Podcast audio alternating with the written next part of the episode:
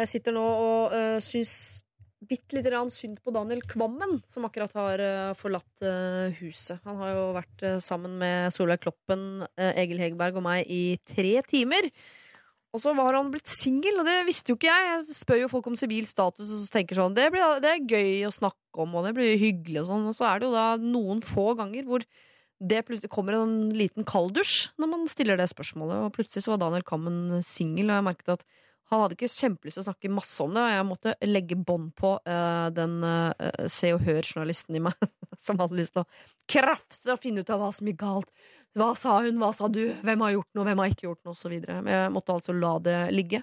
Uh, og han klarte seg helt fint gjennom de tre timene med rådgivning, og jeg tror han skal klare seg helt fint gjennom de neste tre årene. og antakeligvis resten av livet. Sånn er det altså. Uh, brudd, altså. Brudd, brudd, brudd, brudd, brudd, brudd, brudd, brudd hele tiden. Kanskje du er midt i et, du også. Uff, nei, nå ble det bare trist. Jeg må gå og drikke kakao, jeg. Ja. Ha dem. P3 dette er Lørdagsrådet med Siri Kristiansen. På P3. P3. Man kan jo få inntrykk noen ganger når man hører på Lørdagsrådet at det kun dreier seg om kjærlighet. Og nå er jo kjærlighet både stort og viktig og ekstremt vanskelig, så det blir mye kjærlighetsproblemer her eh, hos eh, meg. Og et av de problemene som jeg tenker ganske mye på, ikke så mye nå lenger, i og med at jeg har vært sammen med den samme mannen i uh, 100 år, jeg føler på en måte at det er oss to Liksom, vi er sammen. Det er ikke noe å lure på lenger. Det er eh, hvilket bilde man skal vise av seg selv. Det er veldig lett å si at man skal være 100% seg selv, man skal være ærlig, man skal kunne snakke om alt. Men det er det jo veldig få som gjør i praksis. Altså, eh, bare det at man sminker seg, eh, gjør jo at man egentlig viser et annet bilde av hvem man er, enn den man egentlig er uten.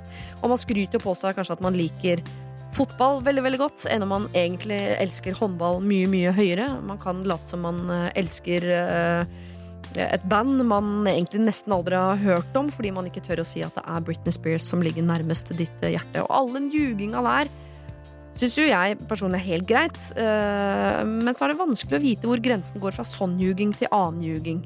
Er det ljuging å utelate ting fra fortiden din, f.eks.? Skylder jeg eh, min partner å fortelle alt fra min fortid? Og når skal jeg gjøre det? Burde jeg fortalt med en gang vi ble sammen, nærmest som en advarsel om hvem han begir seg ut på glattisen sammen med? Og er det enkle ting jeg bare kan få lov til å holde helt for meg selv, eller kanskje heller dele med en venninne, enn å alltid skulle dele det med uh, den eneste rette? Der er det så mange forskjellige oppfatninger, det er så mange forskjellige uh, liksom-regler, at jeg skjønner at det er vanskelig å bli klok på hva som er riktig for seg til enhver tid.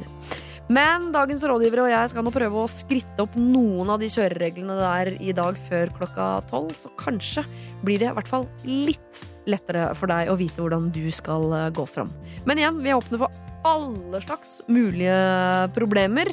Men husk at her får du bare råd fra en gjeng som bruker erfaringer, hode, mage, eh, hjerte. Eh, vi bruker altså da ikke fagbøker her i Lørdagsrådet. Lørdagsrådet på P3. P3. I oktober i fjor så fikk vi inn en mail fra en som heter eh, Olav som var uh, i noe jeg vil påstå er noe av det vanskeligste innen forhold jeg har uh, lest på papir siden jeg begynte å jobbe med Lørdagsrådet. Han hadde en uh, kone, han hadde to barn, men denne kona har da altså bak hans rygg bedratt han med en av hans beste venner. Ikke bare det, men når det blir tatt, og det er mye fram og tilbake, så ender det altså med at kona ender opp med å ville velge å være sammen med hans beste venn istedenfor da sin mann. Men ikke før om en stund, og i den denne perioden fram mot at hun skal flytte inn hos hans beste venn og bli sammen med han istedenfor, så er da denne Olav usikker på om han skal la sin eh, kone få lov til å bo sammen med seg og barna i perioden fram mot at hun skal forlate han for eh, godt. Christian Borch, Gunhild Dahlberg og Erik Solbakken var rådgivere denne lørdagen i oktober, og her er noen av rådene de ga. P3 jeg blir nesten litt, sånn, eh, litt, for redd for å eh, gi noe råd også, for det er liksom eh, så store følelser i sving, og så mange involverte. Og han er jo allerede på god vei til å bli ganske selvutslettende. Ja. Bare passe på at den snøballen ikke eskalerer. Det, det Olav må se for seg, er jo eh, alle skuffelsene han kanskje da kommer til å møte på det neste halve året. Om, og hva det kommer til å gjøre med han. Fordi det eh, sannsynligheten for at eh, kona sier at nei, vet du hva, den påska her var så bra, så nå dropper jeg det andre prosjektet, den tror jeg er ganske liten. Det, det som skjer i denne situasjonen, er jo at han vil være taperen uansett. Hun vil jo ha noe å se frem til, ikke sant? noe hun da åpenbart gjerne vil. Han har jo bare noe negativt å se frem til hele tiden, så han er nødt til å utslette seg selv og sine egne drivkrefter, sine egne tendenser, sine egne tanker, sine egne, sitt ego, på en måte. Ja. Så jeg tror at han er nødt til å se dette her som en tapt sak, uansett hva han måtte mene, og forsøke å stable beina under seg og prøve å lage et eget liv, et nytt liv. Dette er Lørdagsrådet På P3. P3. Det er dette som er Lørdagsrådet, og det der var jo nokså dystert. Selv om jeg ble litt glad av å høre Christian Borch sin stemme, og gleder meg til han skal være rådgiver her eh, igjen. Noen uker etter at vi tok opp problemet til Olav, så fikk vi altså en eh, mail eh, hvor det sto Takk for råd i programmet. Dere har helt rett i at min oppførsel var selvutslettende. Det gikk utover jobb, familie og venner, og det var vel eh, på et slags bristepunkt det krevde, hvor det krevdes en løsning. Min kone og jeg har fortsatt å gå til psykolog sammen og prater ut om hvordan vi skal fungere bedre sammen. For oppi alt dette eh, har det blitt veldig mye vanskeligere å kommunisere godt sammen. Vi tyr også til familiær hjelp, slik at vi kan ha voksentid alene og kun fokusere på hverandre. Så gikk det mange måneder etter vi fikk denne mailen fra Olav, og eh, til og med jeg eh, og skeptikeren i meg begynte å tenke sånn vet du, Kanskje de klarer å fikse det på en eller annen måte? Kanskje denne kona ser verdien i sin mann og sin familie og sine barn og dropper hele denne kompisen eh, som hun jo har falt eh, pladask for. Men så gikk det noen måneder til, og det tikket dessverre inn en ny e-post i Lørdagsrådet sin eh, innboks fra Olav, og der står det Hei igjen. Ikke før jeg har fått roet nervene mine, sier kona at hun har prøvd å få tilbake noen av de gamle følelsene sine de siste seks til åtte månedene, men at det, ikke det var som det var, at det ikke er som det var før, og at det ikke er rettferdig mot meg lenger. Hun ønsker en pause og trolig en separasjon, men håper at det kan føre oss sammen igjen. Som den optimisten jeg er, så vil jeg ofre alt jeg eier og har for at hun skal være glad og forhåpentligvis savne det vi har nå, eh, om det så går på helsa løs. Hilsen Olav, småbarnsfar og dypt fortapt i min kone. Han sier jo, eller Du sier jo selv at eh, det går på helsa løs, og det tenker jeg det gjør det allerede. Eh, ta tilbake, ta tilbake, ta tilbake mange ganger. At et menneske skal kunne gjøre så mange uh, stygge overtramp mot deg, og at du allikevel på en måte tilgir, snur det andre kinnet til, har døra åpen. Som jo er gode egenskaper, men som på et eller annet tidspunkt må stoppe. På et eller annet tidspunkt så kan ikke hun få lov til å bare holde på som hun vil til enhver tid, ut fra enhver impuls, ut fra enhver ny følelse, ut fra enhver ny tanke som dukker opp i henne. Så skal du bare stå der og godta og godta og godta, og så tenker du at det er til det beste for deg selv og til det beste for barna. Det er jeg særdeles skeptisk eh, til, eh, Olav. Jeg håper du finner en vei ut av dette her som gjør livet ditt bedre, og også på sikt eh, livet til barna dine, og kanskje på sikt også forholdet til denne kona, som jeg nok dessverre ikke tror bør være din kone. Dette er P3. Nydelige Spiders var det med Gunderlach, og før det Sandra Lyng og hennes Night After eh, Night. Straks så kommer rådgiverne inn hit til eh, meg Jeg skal gi deg gode råd. Og i dag så består eh, rådgivertrioen av Solveig Kloppen, som jo er godt gift med sin Kjartan. Sammen har de to barn. De bor i en firemannsbolig og eier altså katten DJ Bingo. Vi skal ha med oss Daniel Kvammen for andre gang her i Lørdagsrådet. Forrige gang Daniel var her, så var han jo i et forhold. Han var til og med forelsket. Og uh, i dag så kan han dessverre melde at han er blitt eh, ny singel. Og sist, men ikke minst, så kommer Egil Hegerberg, som aldri har vært rådgiver før. Han er helt uh, ny, men han kan fortelle at han har en kone, han har to ganske store barn, og han bor i et rekkehus på feil side av T-banelinja på Bøler. Sammen skal de tre gi råd altså fram til klokka tolv, så hvis du har et du gnager på, så send det inn. lralfakrøll.nrk.no.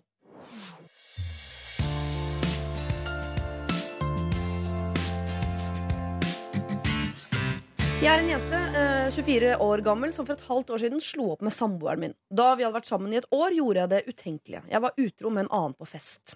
På den tiden var forholdet ganske turbulent. Han gjorde blant annet, bursdag, han gjorde blant annet bursdagen min til et helvete en uke før det skjedde, og jeg sa at jeg ville slå opp uken etter, men ble overtalt til å fortsette å være sammen med han. Dette vet jeg var en stor tabbe, for jeg var skikkelig lei av fyren. Uansett skal jeg ikke prøve å dekke over det jeg gjorde, for det er en grusom ting å gjøre. På et eller annet vis holdt vi sammen i halvannet år til etter dette her. Mye fordi jeg prøvde å gjøre opp for meg, innser jeg nå. Vi var glad i hverandre, men han eh, mer enn meg. Samtidig som han var knust, og det var eh, vanskelig og vondt til tider. Så, For et par måneder siden så møtte jeg en utrolig fin fyr. Vi har tilbrukt mye, tilbrukt mye tid sammen, og jeg liker han veldig godt. Jeg har samtidig en dårlig følelse rundt utroskapet, om jeg burde si eh, det, og i så fall hvordan. Selv om enkelte kanskje mener at de som har vært utro, lett kommer til å gjøre det igjen, så vet jeg at det der er ikke meg. Jeg har siden den gang det skjedde, unngått så store mengder alkohol fordi det føles ubehagelig, og jeg var eh, også svært usikker i det som var mitt første ordentlige forhold. På en eller annen måte så har jeg en vond følelse om at kanskje når eksen min nå ser at jeg har blitt sammen med en annen, så kommer han til å på en eller annen måte formidle at jeg har vært utro til min da nye kjæreste på en eller annen måte. Fortsatt får jeg meldinger fra eksen om at han savner meg, elsker meg, og at han har lyst til å bli sammen med meg igjen. Så burde jeg si at jeg har vært utro før, før det utvikler seg til noe mer. Hilsen da uh, jente24. Kall meg Kaja. Forstår dere? Altså I det forholdet hun har vært i nå, så er det ikke vært noe uh, greier. De er ikke helt sammen ennå. Hun lurer på om hun skal på en måte uh, heise varselflagget og si fra at jeg, jeg, i mitt forrige forhold så var jeg altså utro. Jeg, si, jeg, jeg pleier å være utro, bare så du vet jeg pleier å være utro. Eh, det kan være lurt å si eh, før det går for langt. Jeg, jeg heier på det, altså. Ja? Ja. Bruke ord som pleier Ja, også, selv om det har vært en enkelt tilfelle. ja, men det blir jo 100 da, hvis det, av de seneste forholdene. Ja. Så jeg tenker at det, det er eh, helt klart uh, viktig å si, og ikke bare til denne, denne kjæresten, men hver gang man treffer nye mennesker. Åpne med det, rett og slett. ja, så er kortene på bordet. Ja. Jeg pleier å være utro. Pleier å være utro. eh, Bare sånn med tanke på hvis det skulle bli noe, så veit du det. Da er den katta ute av sekken. Ja. Mm. At kunne du allikevel blitt forelsket i dette mennesket som fortalte deg dette sånn tidlig? Ja, men jeg kunne blitt det? Ja. Du Det- kunne sett gjennom fingrene på greiene der. Det tenker jeg at, det, det tenker jeg at dette er veldig ryddig. Mm. Er, eh, er, eh, dette, dette eh, mennesket er jeg allerede svært forelsket i, og jeg kan gjerne bli sammen med, med henne eller han. Og om da vedkommende roter litt rundt med andre, så er jeg forberedt på det. Da veit jeg hvor Da landet gjør det ligger. ikke så vondt. Nei, da gjør det ikke så vondt, Mm. og jeg har på en måte også en, god del frikort sjøl. Du trenger ikke å ta det personlig heller, for du vet at dette er noe som skjer med alle. Det har Ja. ikke noe med meg å gjøre. Mm. Mm. Ja. Men, men det virker jo som om Kaja da er mest redd for at han Hun er ikke så redd for at hun skal være utro, hun er redd for at han skal få vite det ikke sant? av hennes eks, fordi han, eksen vil bli sammen med henne igjen. Ja. Så han vil ødelegge. Ja. Ja, og så lurer hun litt på om hun skal si det uansett. Men i hvert fall komme eksen i forkjøpet. Med å advare om dette her, da. Jeg syns helt oppriktig eh, em, Jeg, jeg syns det er en sånn eh, fin sånn treplansgreie rundt disse tinga her. Det er ingen som tjener på å finne ut av dette. Heller ikke han kjæresten. Jo, eller han nye kjæresten. Det kommer jo bare til å rote det til. Og det er nå strengt tatt slik at eh, sånn driver jo folk på til tider. Eh, Det fins idioter overalt, eh, men det fins også folk som bare driter ut overalt. Eh, og jeg mener, det høres kanskje utrolig kynisk ut, nå begynner jeg igjen, men jeg mener, uh, her skal du bare feie over, gå til kjæresten din, steg én, gå til kjæresten, gamlekjæresten, uh, få noe fortrulighet ut av han, det her sier vi ikke, alle andre som eh, eventuelt måtte vite det, Eh, og bare feire under, eh, under eh, liksom, hva det heter, teppet. Ja. Uh, nummer to, så skal en gå en ordentlig runde med seg sjøl. og så skal en finne ut av Men det har hun jo allerede gjort. Um, du tok steg to først, du. Ja. Eh, det, Mm. det her skal hun ikke gjøre igjen. Og sånt Og så lenge hun liksom mener det, så ser jeg ingen grunn til Nå var det ikke noe steg tre her. Eh, men det må være å gjennomføre, da, og faktisk ja. holde seg Ja, i det må være måte. Men men, men bare et sånn, ta en sånn ordentlig runde med seg sjøl. Fordi hvis du har tenkt å gjøre det her igjen, noe som hun ikke har tenkt å gjøre, så da, da kan hun jo bare gå og legge seg under en stein eller noe sånt. Men du mener at hun skal gå, gå til eksen og, og snakke med han? Ja, bare sånn altså Bare, bare liksom nøste opp i trådene. Og Mm. bare sånn der, Fordi det, det, det liksom tjener, ingen tjener på at det her skal liksom eh, være ei greie. Men hvis han Eh, eksen fortsatt har lyst til å bli sammen med henne, da, så kan jo han stille noen betingelser for å ikke avsløre den gamle utroskapen. Kanskje han du, du, vil, du vil sånn eh, liksom bare presse henne Ja, jeg Ja. tipper det. Jeg tenker jo det er det som vil skje da, at han kommer til å presse henne til å da være utro med han mot den nye kjæresten. Så jeg tror ikke det, jeg tror ikke det er noen vei å gå. Nei. Men eh, tenk dere selv eh, om dere Vil dere vite det om fortiden til kjæresten deres, om hvorvidt de har vært utro eller ikke? Tenker dere at det er relevant? Nei, Jeg sier jo nei. Nei, ja, du Ja. sier nei. Ja, du, nei. Eh, Solveig, tenker, du, du jeg tenker så mye. Ja, for jeg, men jeg, for jeg, dette gjør meg litt usikker, for jeg tenker at eh, hvis, hvis det er sånn at det plager henne så veldig å gå rundt og tenke på det, så ville jeg kanskje fortalt det. Altså, Jo, men det er jo ikke hun som skal ha det enkelt her. Hun er allerede dritet ut. Det her kan hun deale med sjøl. ja, Det er Det er klart, sånn altså- clearing, det kan bare klare liksom, Samvittigheten er jo ikke et tema her, er det det? Men er ikke dette grunn til Dette er en av, grunn, en av grunnene til at hun har gått videre i et nytt forhold. Dette Ja. er grunnen til at man slår et firma konkurs. Det er For å starte med eh, blanke ark og, og nye penger i, i posen. På en måte. Det er jo ikke, jeg, jeg ser ikke at det at hun har vært utro mot en fyr Nei. før, skal ha noe med det nye forholdet å gjøre. Jeg, jeg skjønner ikke hvorfor hun skal bringe med seg det, det, der, eh, det sorte fåret der videre i livet sitt. nei, nei, det må eventuelt være fordi at det plager henne så mye å vite at han kanskje får vite det, da. Ja, men den dagen jeg vet, eh, Hvis eh, eksen til kjæresten min hadde ringt meg og sagt sånn Ja. Når jeg var sammen med typen din, Ja. så var han utro mot meg. Så jeg tenkte sånn, ja, Det skjønner jeg veldig godt, for du virker som Ja. et veldig dårlig Ja. menneske. Ja. Som driver og ringer til meg og plager Mm. meg med Ja. sånne ting. Jeg hadde jo pult rundt sjøl. Så altså med deg. Ja. Hadde jeg tenkt da. Det er godt sagt, det. Og så tenker jeg jo også, altså, hvis, hvis redselen er at det skal bli avslørt, så, så er det jo ikke noe oppskrift på å hindre det og avsløre det. Hvis det er, hvis det er redselen for avsløring som er, som, som er det store her, mm. så, så, så er det jo bedre da så tenke at ok, det er jo en, det er en ganske stor sjanse for at det ikke blir avslørt. Det er jo bedre det enn å en 100% avsløring Mm. Enig. ved seg selv. Ja, men, Ja. men det går jo an å ta det Igjen, hvis det plager henne så voldsomt. Det går det an å snakke vi, eh, En kveld de er sammen, så snakker man om gamle kjærester. For tidligere forhold. Hvordan, har- når var det, hva, hvordan var ditt eh, for, siste forhold? Så kan man jo snakke om at det var veldig dårlig. Det var faktisk så ræva at jeg eh, var utro. Jo, jo, Men det altså, kan han jo ta den dagen det kommer opp etterpå. Altså, det her skal jo, nå må jo tenke deg at Ja, det her ja. det skal jo være gledens tid. Det skal jo være forelska. Ja, ja. Det skal jo ikke ha det skitet, liksom. Nei. Ulmende. nei. det Nei, hvis men, det dukker opp en samtale sånn Ja. når man snakker om eksen og sånn. Jeg ja. også vet jo sånne ting om min kjæreste nå. Det dukker ja, for nå er skulle jeg glad. til å fortelle deg en del uh... men, nei, og det, men jeg tenker at man skal ikke si det som en advarsel på vei inn i et forhold. Hei, hei, hei, Nei, før vi ja, sammen her nå, så må jeg bare legge noen greier på bordet. Enig. Enig. Det er vi enige om. Ja, er det ikke det, da? jeg var jo ikke egentlig enig i det, men eh, jeg du var interessert i det frikortet videre? Jeg var interessert i at, uh, at alt gammelt gruff skulle opp så tidlig som overhodet Men da er det så mye annet som må oppå. òg. Ja, ja. Alt, Alt, alt må opp. Hva? ja. Helst trygt på T-skjorta man går med. Ja. Jeg er også den oppfatning at alle burde legge ut uh, ikke bare nakenbilder, men veldig veldig drøye bilder av seg selv ved seksuelle situasjoner på internett. På den måten så ville man fått avmystifisert det, og det, det ville ikke vært noe skam rundt det. Så man vet hvem man ligger med, på en måte også. For Ja. da kan man bla seg gjennom arkivet, som jo internett er. Mm. Eh, Kaja, som vi kaller deg fordi eh, du har bedt om det. Eh, dette trenger du ikke å si som en advarsel til han du er på dealeren med nå. Hvis eh, samtalen dukker opp en eller annen gang etter at dere har blitt sammen, så selvfølgelig så forteller du det som du, om du forteller hva som helst. Holdt jeg på å si. Men det er ikke en advarsel du trenger å si fra om nå. Og hvis han eksen din ringer og advarer den nye typen din om dette, da tror jeg denne nye typen kommer til å forstå at det der er en man er utro mot.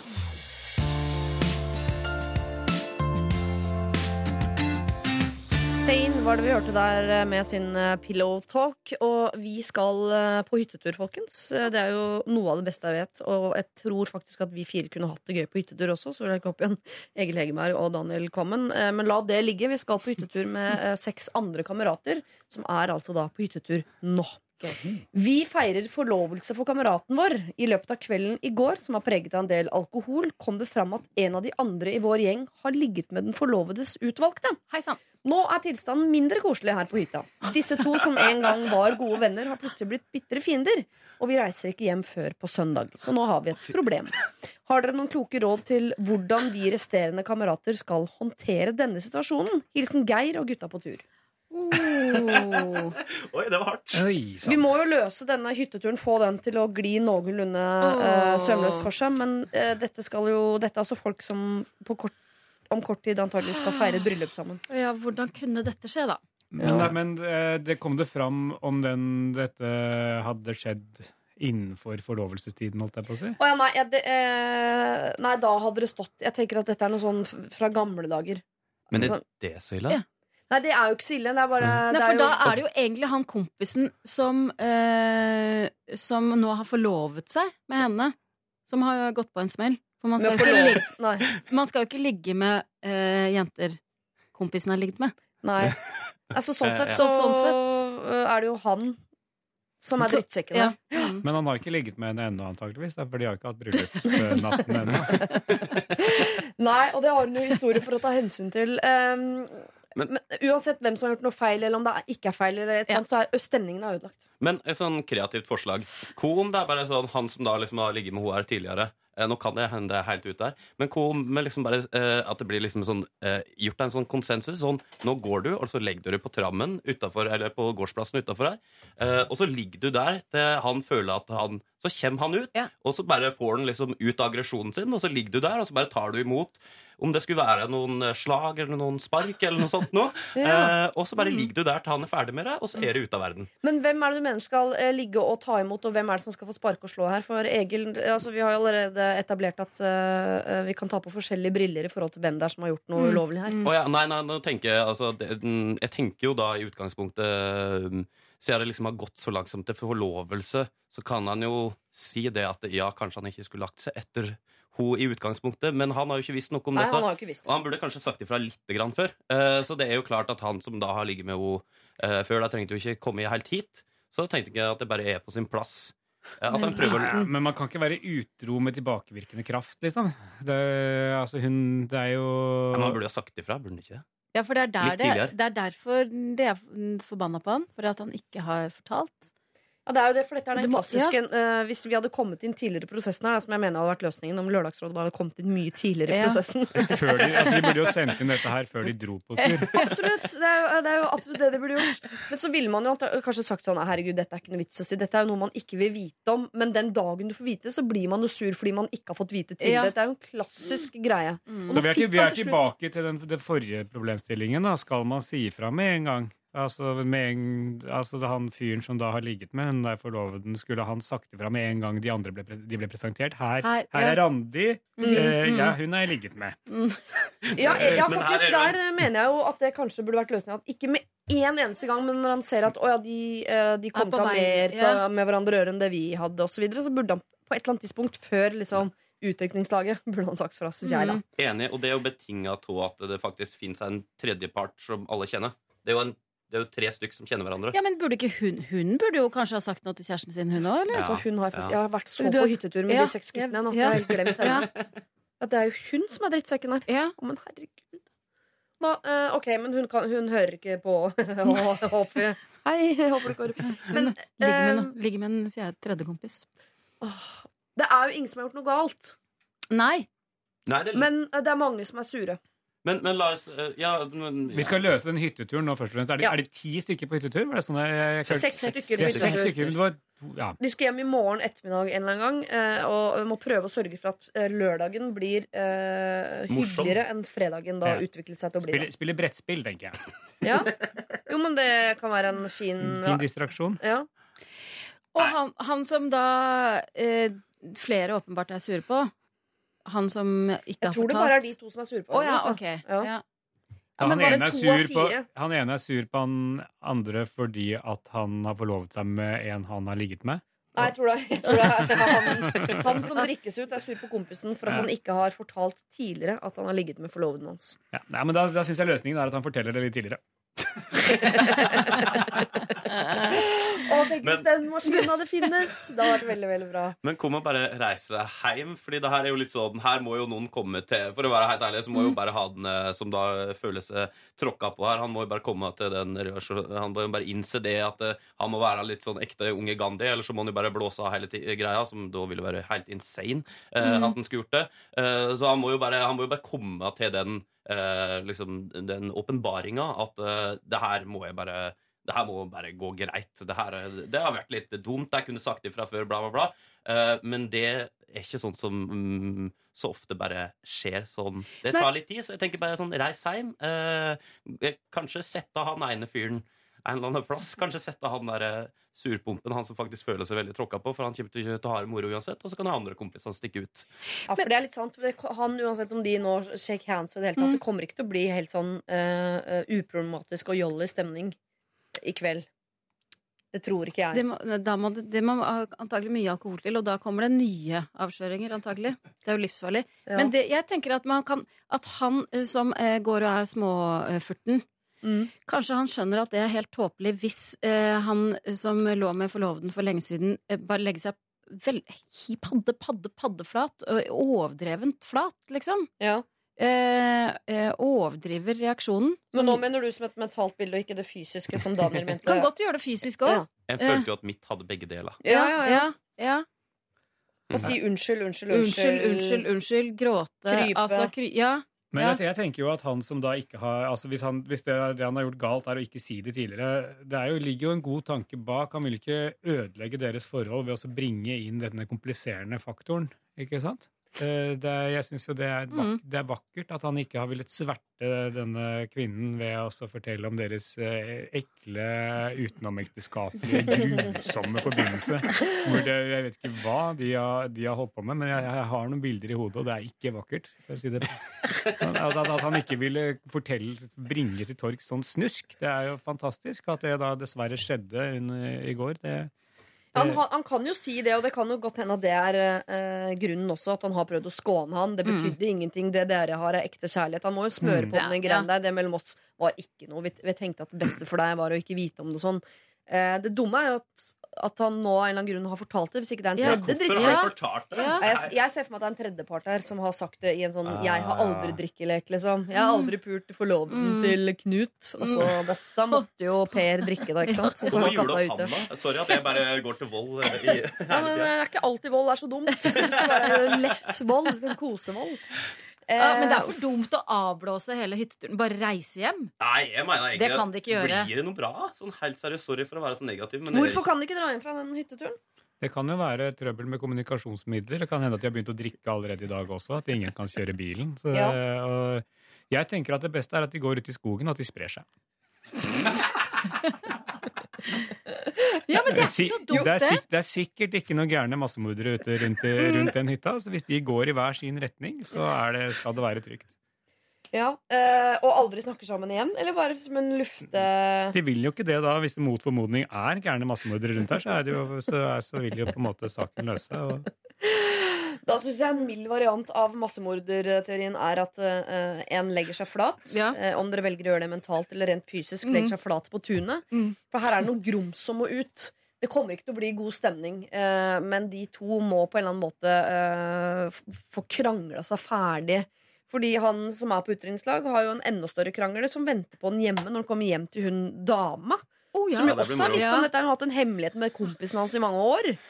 Så eh, jeg tenker at den hytteturen her Den kommer ikke til å bli koselig, men den kan bli litt koseligere enn det det blir når han kommer hjem. Hvis det er en trøst for eh, noen. Mm. Eh, Geir og gutta på tur, her tror jeg rett og slett dere må bare kreve at eh, disse to som var så gode venner, som nå er så bitre fiender, de er nødt til å snakke sammen. Eh, han ene må legge seg flat, han andre må få tømme seg. Eh, kanskje de må tråkke litt på hverandre, eh, gå hver sin retning ut i skogen, få litt luft. eh, og ikke ha noen forhåpninger om at lørdagen på denne hytta blir kjempekoselig. Men den kan bli helt grei. Mm. Kanskje dere må spille brettspill. Lørdagsrådet med Siri Kristiansen. På P3. Vi har hørt eh, Red Hot Chili Peppers med sin Around the World, og før det Faded Alan Walker, altså der, eller her, da, i Lørdagsrådet, NRK P3. Hvor nå eh, samtlige rådgivere har fått boller. Daniel Kammen, du sto over. Jeg sto over. Jeg er en sånn, eh, det er jo tidlig på året og sånt. Det er jo da folk pleier å stå over. Ja, du Ja. har bikinisesongen i, i Jeg har, men jeg, men jeg er såpass realistisk at jeg går for sånn sommerkroppen 2017. Ja. eh, hvis, det, hvis, det, hvis det er lov. Men da er det eh, ganske fornuftig å holde seg unna hvetebakst. Solveig Kloppen, du, det er ikke så Du går for bikinikroppen 2019. Jeg er på et naust på Vestlandet hele sommeren. Herregud. Trenger ikke tenke på Flott kroppen. uansett. At, Ja, eh, ja, ja. Og Egil, du også eh, Nei, du spiser den eh, polske sjokoladen som Solveig hadde med seg. den var ikke god, men jeg tror eh, jeg tror, eh, Ja. Nei. Hvem, hvem var det? Nei, det var den, ja. ja. den svart og hvit sjokolade. Rødkrem blokk. Ja, det er en rip-off av Kindersjokoladen, Kinder-sjokoladen, vil jeg Ja. tro. Ja. Kjære Lørdagsrådet. Jeg er en kvinne i 20-årene og står overfor et vanskelig dilemma. Jeg lurer på hva jeg skal gjøre med kroppshåret mitt. Tidligere har jeg opplevd at en jeg hadde noe på gang med, sendte meg en SMS etter tredje date og første ligg, der han spør om jeg vennligst kan passe på å barbere underlivet og beina før vi skulle møtes neste dag. Jeg ble så rasende at jeg ba han ryke og reise, og siden har jeg ikke hørt noe mer fra han. Mwahaha! 1-0 til feminismen. De siste årene har jeg prøvd å la håret gro for å se hvordan jeg trives med det. Fordelene er mange. Jeg har ikke sår hud, jeg slipper å bruke tid og penger på barbering, jeg syns det er rent estetisk finere. Jeg føler meg som en sterk kvinne og føler jeg er i bedre kontakt med kroppen min, og jeg syns det er ufattelig urettferdig at kvinner skal måtte føle seg ekle med hår når menn slipper denne bekymringen. Nå har det seg slik at jeg kanskje skal treffe igjen en gammel flamme, og jeg er selvsagt veldig opptatt av at han skal like meg. Jeg ser for meg at dette kanskje kan lede til noe seriøst. Men jeg vil nødig gå på akkord med mine egne holdninger, samtidig som det jo bare er hår.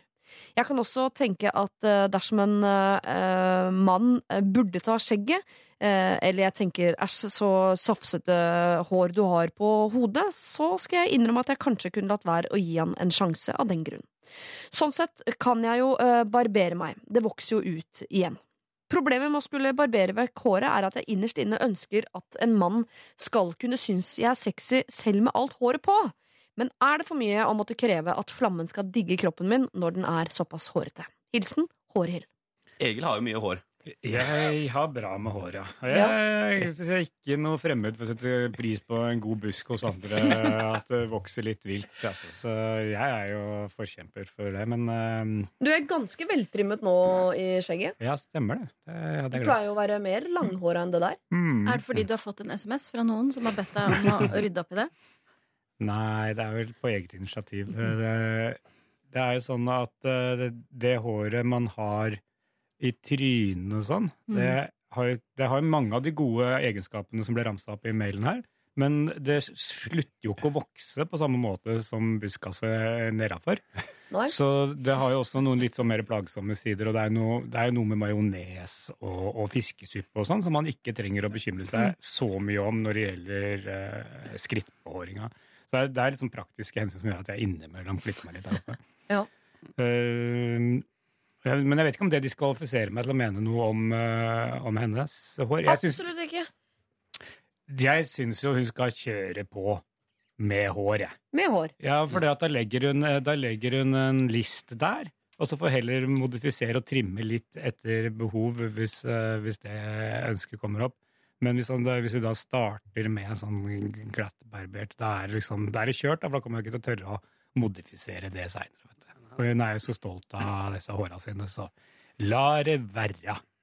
Hun sier jo, innrømmer jo selv at hun kunne ha på en måte eh, snudd i døra hvis det var en mann som hun tenkte at var for behåra. Ja, det, synes, det er jo sykt! ja. Det er jo sykt å tenke sånn. Det fins jo jo- ikke noe sånn som en for behåret eller beskjegget mann. Er, Jeg liker henne godt i at hun er veldig åpen og ærlig om sin egen sånn, uh, ambivalens i forhold Ja, til ja. hår. Det er veldig fint. Uh, hva tenker du, Daniel? Hadde du snudd i døra her, eller? Eh, nei, nei, på ingen måte. Eh, jeg syns, eh, for det første syns jeg dette eh, syns det er veldig bra at hun ba han rykker å reise, han fyren. Eh, det skulle bare mangle. Eh, men jeg syns det er litt eh, vanskelig, kanskje ikke litt sånn ambivalent til det her, fordi for det første så må du bare stå for det her håret hvis du vil. Jeg liker jo han som meg sjøl som feministisk sjæl, og, og det her er jo Alt det her med free the nipple og skal hår eller ikke hår, det er jo liksom sånn Jeg forstår den saken veldig godt, jeg. Ja. Men det, det hun liksom må tenke over her, det har, jeg studerte økonomi en gang i tida, så da fikk jeg en sånn graf som vi liksom viste sånn kunder uh, hvor de gikk inn, og den går liksom, den starta nede, og så går den opp. Og, og så eh, går den uh, bare videre oppover, egentlig. Og det viser da Hva slags hvor- kunder?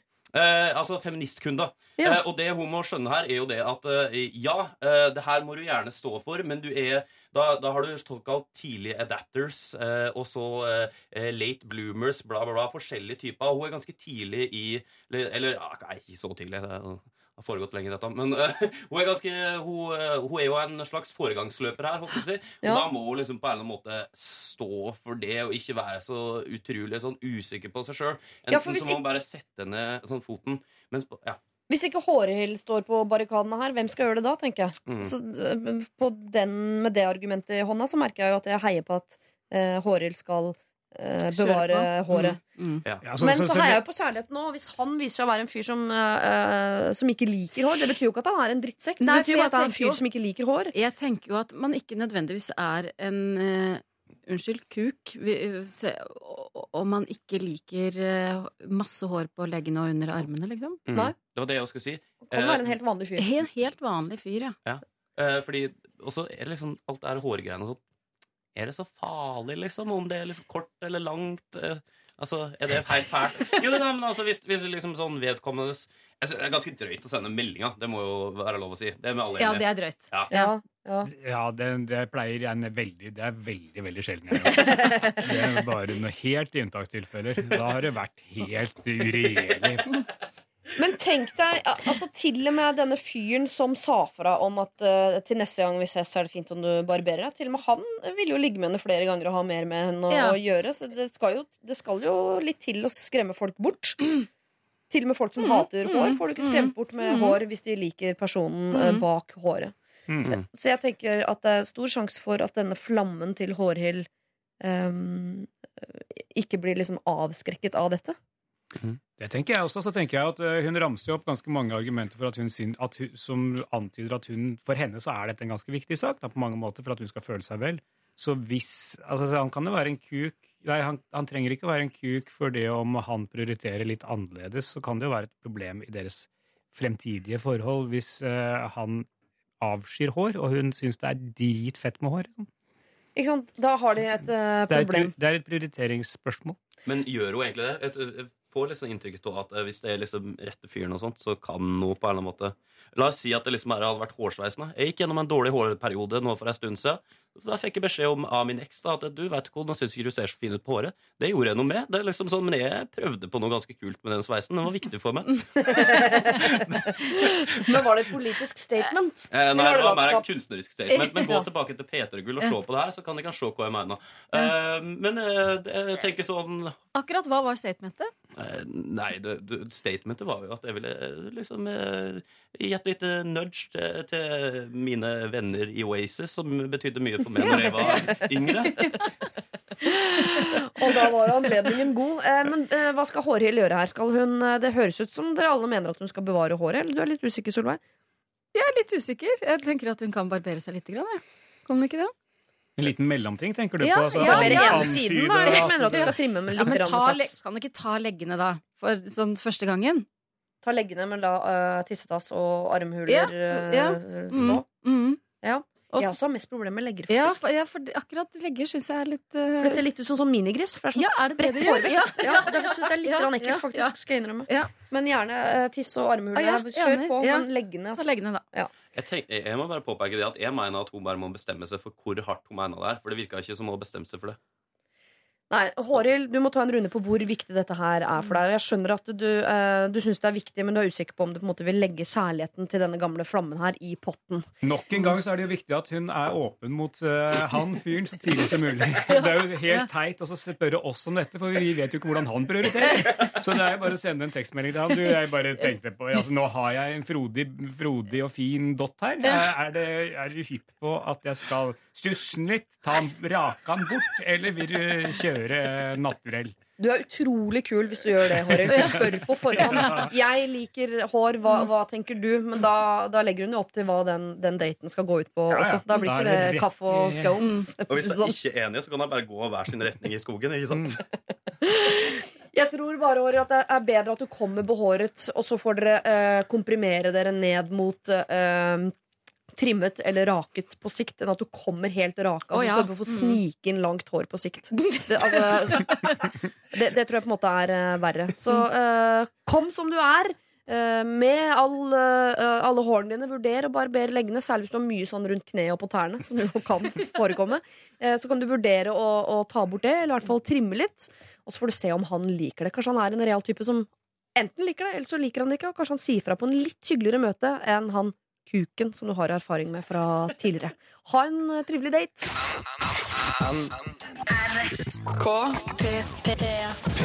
P3. Ex-Ambassador Ambassadors var det med sin Renegades. Eh, og du hører på Lørdagsrådet her på NRK P3.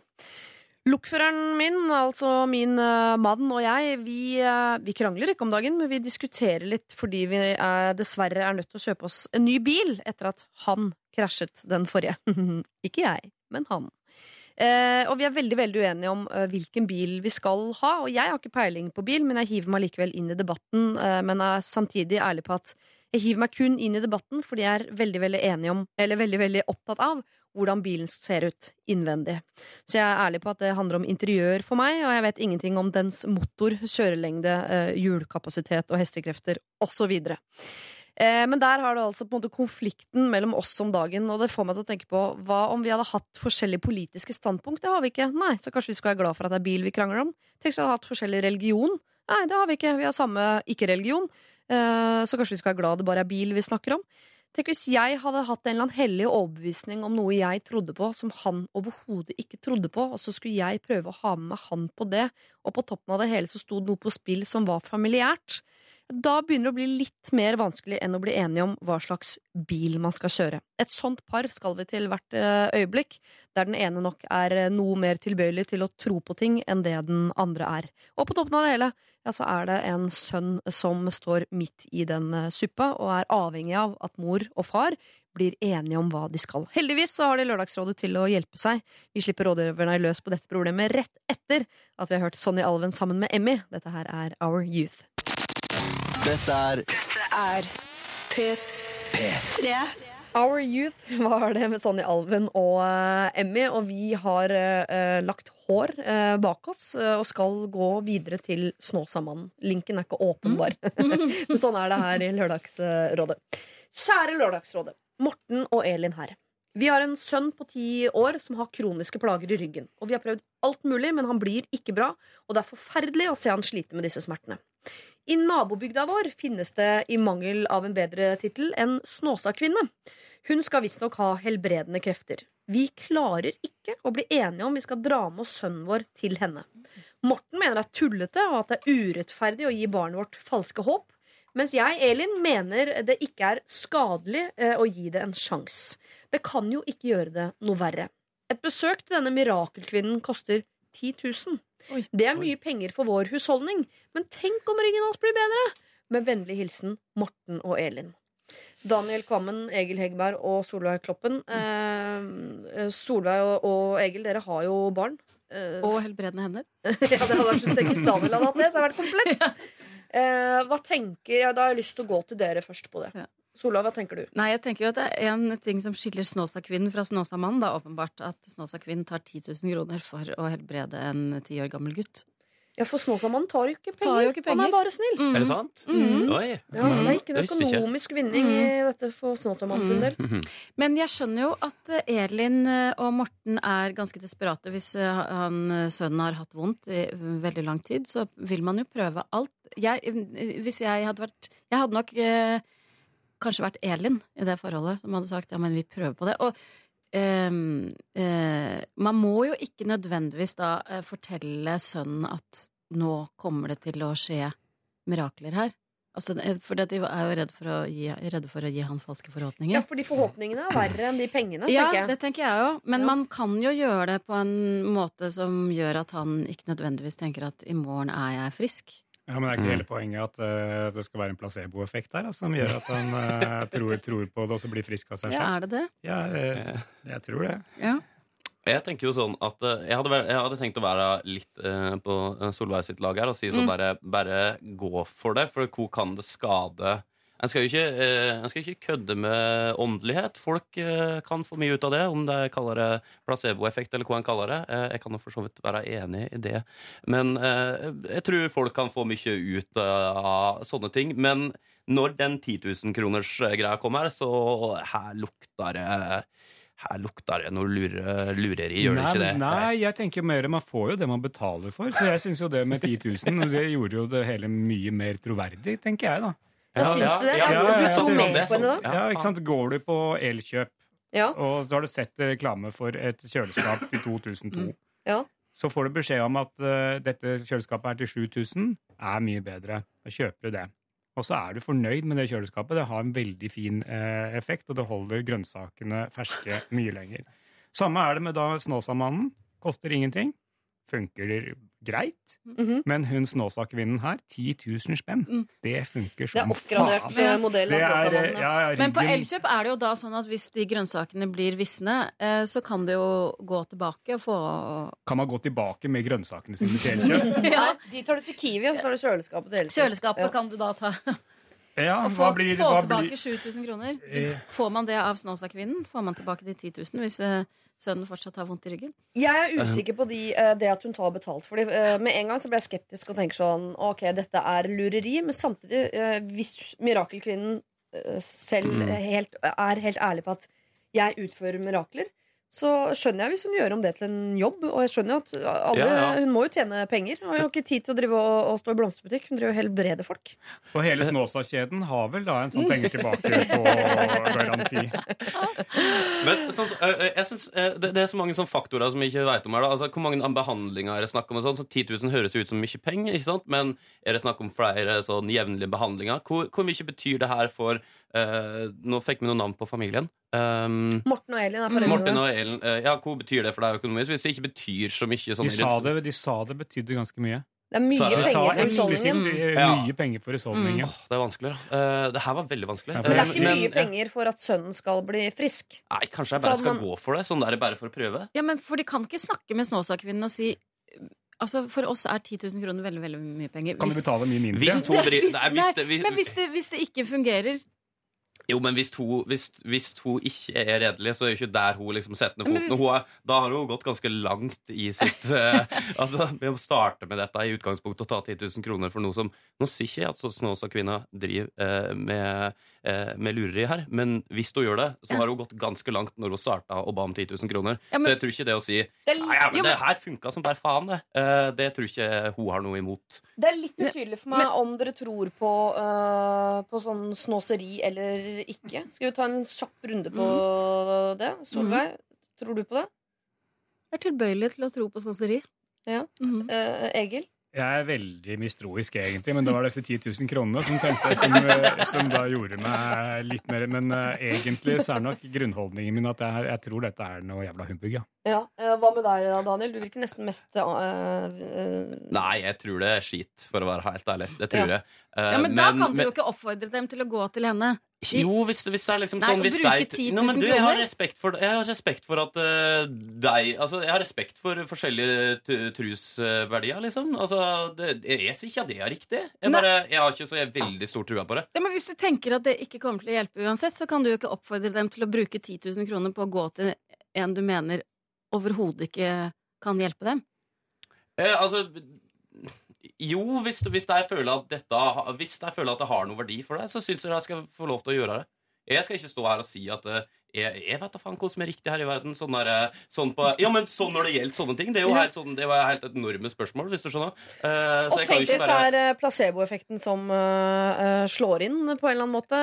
Hvis vi glemmer de 10 000 kronene bare et lite øyeblikk Jeg vet at de står og blinker inn i, i solbrillene våre nå, Mm. men la oss Mm. glemme de 10 000 kronene. Eh, eh, så er det hun er redd for egentlig mer enn pengene, er å gi barnet falskt håp. Mm. Men tenk, han har sikkert gått til eh, kiropraktor, fysioterapeut, mm. eh, homeopat, osteopat Lege Alle de tingene der. Og hatt ja. håp om å bli frisk hver eneste gang. Dette er jo ikke sånn sett noe annerledes eh, hvis man Nei, det tenker jeg òg. Altså, ja det, er- det er jo bedre med falskt håp enn ikke noe håp. ja. Jo, Men det er jo faktisk sant, da. Mm, så akkurat den håpebiten er ikke så farlig, da.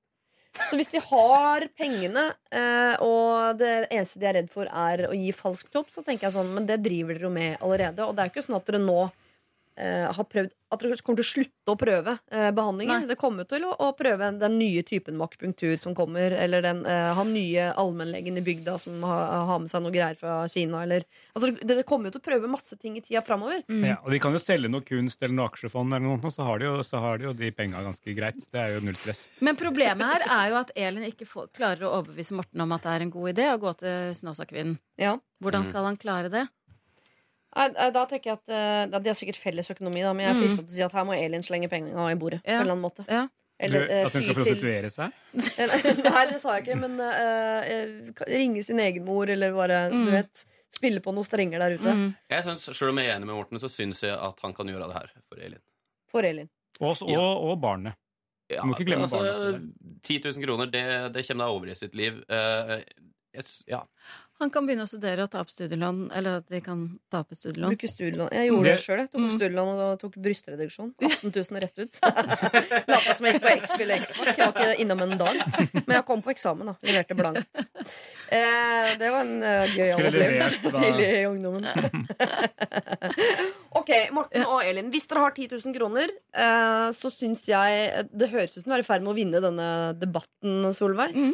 Eh, prøv, da vel. Det blir jo ikke noe verre. Dere blir litt blakkere, det er det eneste. Men det blir ikke noe verre. Men det kan. Selv om ikke vi har troa på det selv, eh, tre av fire i dette rommet, så kan det jo hende at det faktisk kan eh, hjelpe. Hvis du som hører på har et problem, så send det inn til oss. Eh, Vår mailadresse er lralfakrøll.nrk.no. Dette er Lørdagsrådet på P3. P3. Astrid S er med i Lørdagsrådet for andre gang i dag. Denne gangen sammen med Matoma. Vi hørte 'Running eh, Out'. eh, Og nå etter det Mistati 'Don't Let Go'. Dere, Vi skal ta et kjapt spørsmål fra hen som heter Emilie. Og dette kan da bli eh, et råd til Emilie, selvfølgelig, men dette her tenker jeg at er et godt råd til alle dere som nå sitter og hører på Lørdagsrådet. Her mener jeg at folk kan bli litt bedre. Jeg har et problem som jeg har tenkt på lenge. Jeg er singel, og som de fleste andre er jeg på dateren, både på Tinder og andre steder. Mitt problem er hvordan jeg skal avslutte kontakt når det viser seg at jeg ikke er interessert. Et typisk scenario er at vi møtes omtrent seks ganger, kysser litt, men ikke mer. Er det da greit å bare svare unnvikende for at, eh, for at ting skal koke bort, eller må man ta en ordentlig samtale på ting, selv om ikke det er seriøst og man ikke er definert som kjærester? Kan man sende en SMS? Jeg er veldig konfliktsky og sliter i tillegg enormt mye med dårlig samvittighet. Så mitt spørsmål er kan jeg sende en SMS bare, eller være unnvikende uten å få dårlig samvittighet for det? Hilsen Emilie. Dere har jo alle vært på dateren eh, en eller annen eh, gang. Eh, Solveig Kloppen, Daniel Kvammen og Egil Hegerberg. Har dere noen gode råd til hvordan man avslutter noe man vet at man ikke vil gå videre med? Jeg trodde at det var det som var sånn deilig med Tinder, for eksempel. At man kunne være så direkte. At man eh, bare sendte en melding og sa 'beklager, eh, jeg er ikke interessert'. Jo, men Det er vel i den første fasen. Første fasen. man bare fase. Ikke etter seks ganger, nei. Nei, når man har møtt Nei. hverandre Nei, på vir ja. i virkeligheten, og så, Ja. så er man jo plutselig ekte mennesker. Ja, ja. Mm. Um, oh, ja. Ok. Ja, Nei, jeg tror, jeg tror det, også, det også starta Det starta vel først etter sånn to møter, det òg. Jeg har inntrykk av at det ikke er sånn ekte folk. Sånn etter, ja. etter, nummer én og nummer to-møte. Men fra tre og utover Ja. så er man ektefolk, og da kan man ikke Ok, men dette er oppklarende. Dette uh... Jeg har ikke prøvd det her, da, men Nei, jeg bare har inntrykk av det. Ja. kan du Ja. gjøre nå, da. Eh, Nei, ikke gå hit. Daniel Kvammen på på det. Tinder. Det kan bli vanskelig, Daniel. Jeg syns du skal prøve noe annet. Eh, Ja, jeg tror jeg også jeg skal Ja. prøve noe annet. Men uansett Tinder eller Ja. uansett hva det er, du har en, eller annen, en eller annen kontakt med et menneske, og så vil du ikke ha det lenger. Eh, Hvordan skal man, Er det lov å bare fade ut? Sende en SMS? Prøv å ta innover med hvor, hvor mange møter er sex. Det er ganske mange. Så på en eller annen måte må du si ifra. Jeg er litt sånn usikker på om en må si ifra eh, om det er greit på melding, eller om det er er liksom å ta det i person. Det må jeg, det er kanskje Ta en telefon. Oh, telefon, ja. Oh. altså, det er nesten bedre å møtes, ass. Mm. Hva tenker du, Egil? Eh, du må ikke, Jeg eh, veit ikke. Du vet ikke? Jeg, jeg, der, eh, jeg er fra gamle dager. Jeg husker jo ikke hvordan eh, Vi hadde ikke Tinder da jeg drev med dette sist. Eh, Men eh, hvis hun er konfliktsky, men samtidig har jævlig mye dårlig samvittighet, så er det jo lurt å Skal vi se Hun er opptatt av å ha rene linjer. Ja. Hun Mm. er opptatt av å ikke angre. Altså, ta telefonen, si ass. Ringe, rett og slett. Være real. ja, og ringe, si det, og så bare så styrer sjøl når dere legger på. Jeg føler jeg har en veldig genial løsning nå. Fett. Ja. Uh, ko- Kom og, kom og bare send en melding. Uh, det, her, uh, det her tror jeg er sånn jeg skal praktisere det framover. Um, send en melding, si 'Hei, du, det her har vært hyggelig, eh, men jeg tror ikke at dette er At eller, dette helt kommer til å bli noe mer. Men hei, vil du prate om det, så kan vi møtes eh, over en kaffe. Ja. Å ja, Og legge, liksom, Å legge ja, den for det er åpen. lov, ja. Ja. Nei, jeg vet ikke om det er lov. Ja, Jeg bare, ja. det var noe jeg kom på nå. Men Det da er blir jo derfor jeg er for å være kreativ. Ja. det er kjempefint, men den jenta du da dumper, blir jo enda mer forelska i deg. For da tenker du sånn Han er en sånn fyr som han vil ha! Men Det jeg, er Du er det. Du er det. jeg har en enda bedre, jeg har enda bedre løsning, tror jeg. Og det er å få inn en tilleggsfunksjon i Tinder-appen. Hvor man sender ut en, kanskje en annenhver uke, så sender man ut en felles Man har en slags gruppechat eller fellesmelding. Ja. De man ikke skal ha Ja. eh, lenger. Hvor alle, hvor alle er med, på en måte. Så man ser. Ja, for da blir det Da blir det veldig tydelig at nei, det Og så mener du skal samle opp alle de hun ikke Sam- liker, og dumpe de samtidig, så de føler en, seg en gjeng? ja, den Ja. dumper en gjeng av ja. gangen. Ja. Og alle ser at de er en del av en gjeng og tenker ja, faen, dette her er i hvert fall ikke Liv Laga, liksom. Men kom, og- det er liksom som den andre runden i Idol, når de kommer videre fra audition. Og så blir de liksom sånn kutta i sånne store bolker. Ja, ja. Mm. Du Kan er nummer fire, seks og 19 Ja. komme fram Ja. på scenen? Dere bak må gå hjem. Så kommer det an på hvor hyppig kontakt man har med folk, hvor ofte man må sende en sånn gruppe, gruppemelding. ikke sant? Man samler opp, og så Ja. når man har en sånn fire-fem minimum, da, så sender man en melding til alle sammen. Da blir dette plutselig et luksusproblem. uh, hvis man har sånn fire, fem, seks stykker Mm, gående. mm. Men jeg mener jo at hvis man har møtt hverandre seks ganger, Mm. nå har jeg tenkt meg litt om, så må, bør man uh, møtes. Da er det over på møte, ja. Ansikt til Mm. ansikt. Ja. ja. Hun må jo si at hun virka som ei veldig ordentlig jente. da Hvis Ja. jeg liksom sånn Tinder-data liksom seks ganger, og det virka som hun liksom sånn kyssa og klappa litt. Jeg har hatt inntrykk av at Tinder er et sånt eh, eh, Altså et slags god morgen til liksom, mm. til det sosiale eh, liv der ute. Ja. Eh, så hun bruker jo dette. Jeg tror hun kommer veldig fint ut av det her, men kan hun ikke bare sende den meldinga, Solveig? Det går greit, det, liksom. Men glem jeg, jeg, ikke, Ja. be- Ja. Beklager Ja. eh, Emilie, Ja. for nå sitter du og tenker at nå har jeg sendt henne noe jeg vil ha råd. Men glem Emilie litt, og glem Tinder litt. Eh, uh, bare tenk, det er Mennesker har møtt hverandre. Den ene vil fortsette å møtes, den andre vil ikke fortsette å møtes. Hva er veien ut av det som er liksom hyggeligst for alle? Og Det, da, veien ut er at de må slutte å møtes, for at så lenge den ene ikke vil møtes, så, så er det ikke, det blir ikke noe fett Det er uansett. ikke Så det, det er minus og pluss blir minus. Men for det det virker som Emilie her eh, Hvis vi skal bringe Emilie inn igjen allerede, selv om jeg har bedt dere glemme henne litt, er at hun Mm. Vil ha et eh, free pass på at hun kan ta utfadingsmetoden. Svare unnvikende osv. Og, så videre, og bare håpe at det går over. Det, Nei, Nei, det er en dårlig, det er en dårlig vei. Men det er Vet du hva det som folk er flest gjør. Det er å ikke møte folk. I utgangspunktet. Altså Skal du først gjøre det, skal du først møte folk, så må du oppføre deg ordentlig gjennom Ja. hele prosessen. Enig. Ja, enig. faen. Og ja Men er da SMS lov hvis man skal oppføre seg ordentlig gjennom hele prosessen? Nei, jeg mener ikke lov. Et, Ikke seks lov. ganger. Og kyssing ikke lov. Da må man møtes. Og så skal man Men du må tenke si på posisjonen til SMS-en i dagens samfunn. ja, ja, ja, enig, ja. altså. Her er jeg, her er Hvilken jeg med posisjon har SMS-en nå i dagens samfunn? den, er, den er blitt mer og mer vanlig. Hvis vi skulle ha laget uh, et sånn kommunikasjonshierarki, Ja. så kommer SMS-en høyt over hinting, eksempel. Som jeg mener at Ah, da ja. utfading er som er sånn Ja, det kunne vært koselig, men kan ikke akkurat i dag. Ja, Jeg mener ok. SMS og sende sånn Vet du hva, det blir nok ikke oss to. Mm. Ferdig. Eller så kan du legge til da den nydelige Daniel Kammen-varianten. Ja. Hvis du vil møtes og snakke om det, Mm. så kan vi det. Kan ikke alle bare ha det som en, eh, en standard i livet Mm. sitt? Mm. Lagde jeg det her nå? Lagde jeg det her som Nå har en slags Mm. standard, ja. Nå er det Mm. liksom den nye Nemco-godkjenninga Og det er jo aldri noen som kommer til å si Ja, jeg vil gjerne eh, møtes og ta den, ta den kaffen. Du har ikke truffet vanlige folk, du. Nei, det er ikke hvert fall hyppig, tror jeg. Nei. Jeg vil gjerne snakke mer om det. Ja. Ja. Mm. Jeg vet at du ikke liker meg, men det vil jeg gjerne snakke litt om. Så, nei, det tror jeg ikke du vil bli plaga med. Men send en SMS Er du med på SMS-laget, Solveig? Nei, jeg er jo ikke det. Men Du- jeg hører at dere er Jeg tenker at hvor- Hvorfor møtes eh, fjes til fjes hvis det bare er for å ha en eh, Altså Si akkurat det man kan gjøre med en SMS, og så ha det dritkleint etterpå? Det er jo helt ræva. Så du er på vårt lag? Jeg, jeg, jeg, SMS, altså. Eller eh, tekstplakat. At det, eh, ja. Kjøpe en sånn VG-annonse. Det er sikkert ganske billig nå. Ja, eller tekst-TV. Send en SMS med 'slå opp' på side 608 på tekst-TV. Det er gøy! Jeg må bare si, det, og dette har jeg sagt før i eh, Lørdagsrådets historie. Det, er bare, det verste du gjør med folk, er at de blir sittende igjen med masse spørsmål. Ja. Vil hun, eh, Eller masse forhåpninger. Å ja, hun har sagt at hun kanskje skal møte meg en annen gang, men det passer ikke i dag, og hun liker meg egentlig og sånn. Gjør det ryddig, og da er det ryddig å sende en SMS og si Vet du hva, jeg liker deg ikke godt nok, jeg Nei, tror men- ikke det blir oss, og så Da, videre. Så ryddig. Ne, ja, det er ryddig, men da blir man jo sittende igjen med masse spørsmål. Da får man jo ikke stilt de spørsmålene. Men hva er det for noe? for hva? Du men- tilbud om det fra Nei, Daniel men det, det gjør man jo ikke. Du har i hvert fall fått svar på Jo. hovedspørsmålet. Nei. Liker okay, du meg, eller liker du meg mener ikke? at Hvis jeg hadde fått tilbudet om å liksom sånn møte noen sånn her, ja, så sitte der da, så tenker jeg sånn der «Hæ, hun, eh, Trine som jeg traff nå i forrige uke, hun sa at eh, nei, Daniel, det funka ikke. Og så tenker jeg sånn, jeg er jo en flott fyr, hvorfor funka ikke det? Og så gir hun meg muligheten til å komme og få svar på det, så hvorfor skal jeg ikke ta den muligheten? Ja, men Det er mye mer ydmykende enn om det skjer eh, når man allikevel er der. Har Nei, men da vet man når man går til den kaffeavtalen at ok, det blir ikke oss to, for du liker ikke meg, men uh, la oss bruke det. Da, til at Da kan du få ha, ha, ha hele den følelsesmessige reaksjonen for deg sjøl og sånt. Ikke sant? Sånn der, Oi, dette var jævla kjipt, liksom. kan knuse den vasen og Mm. holde på, da.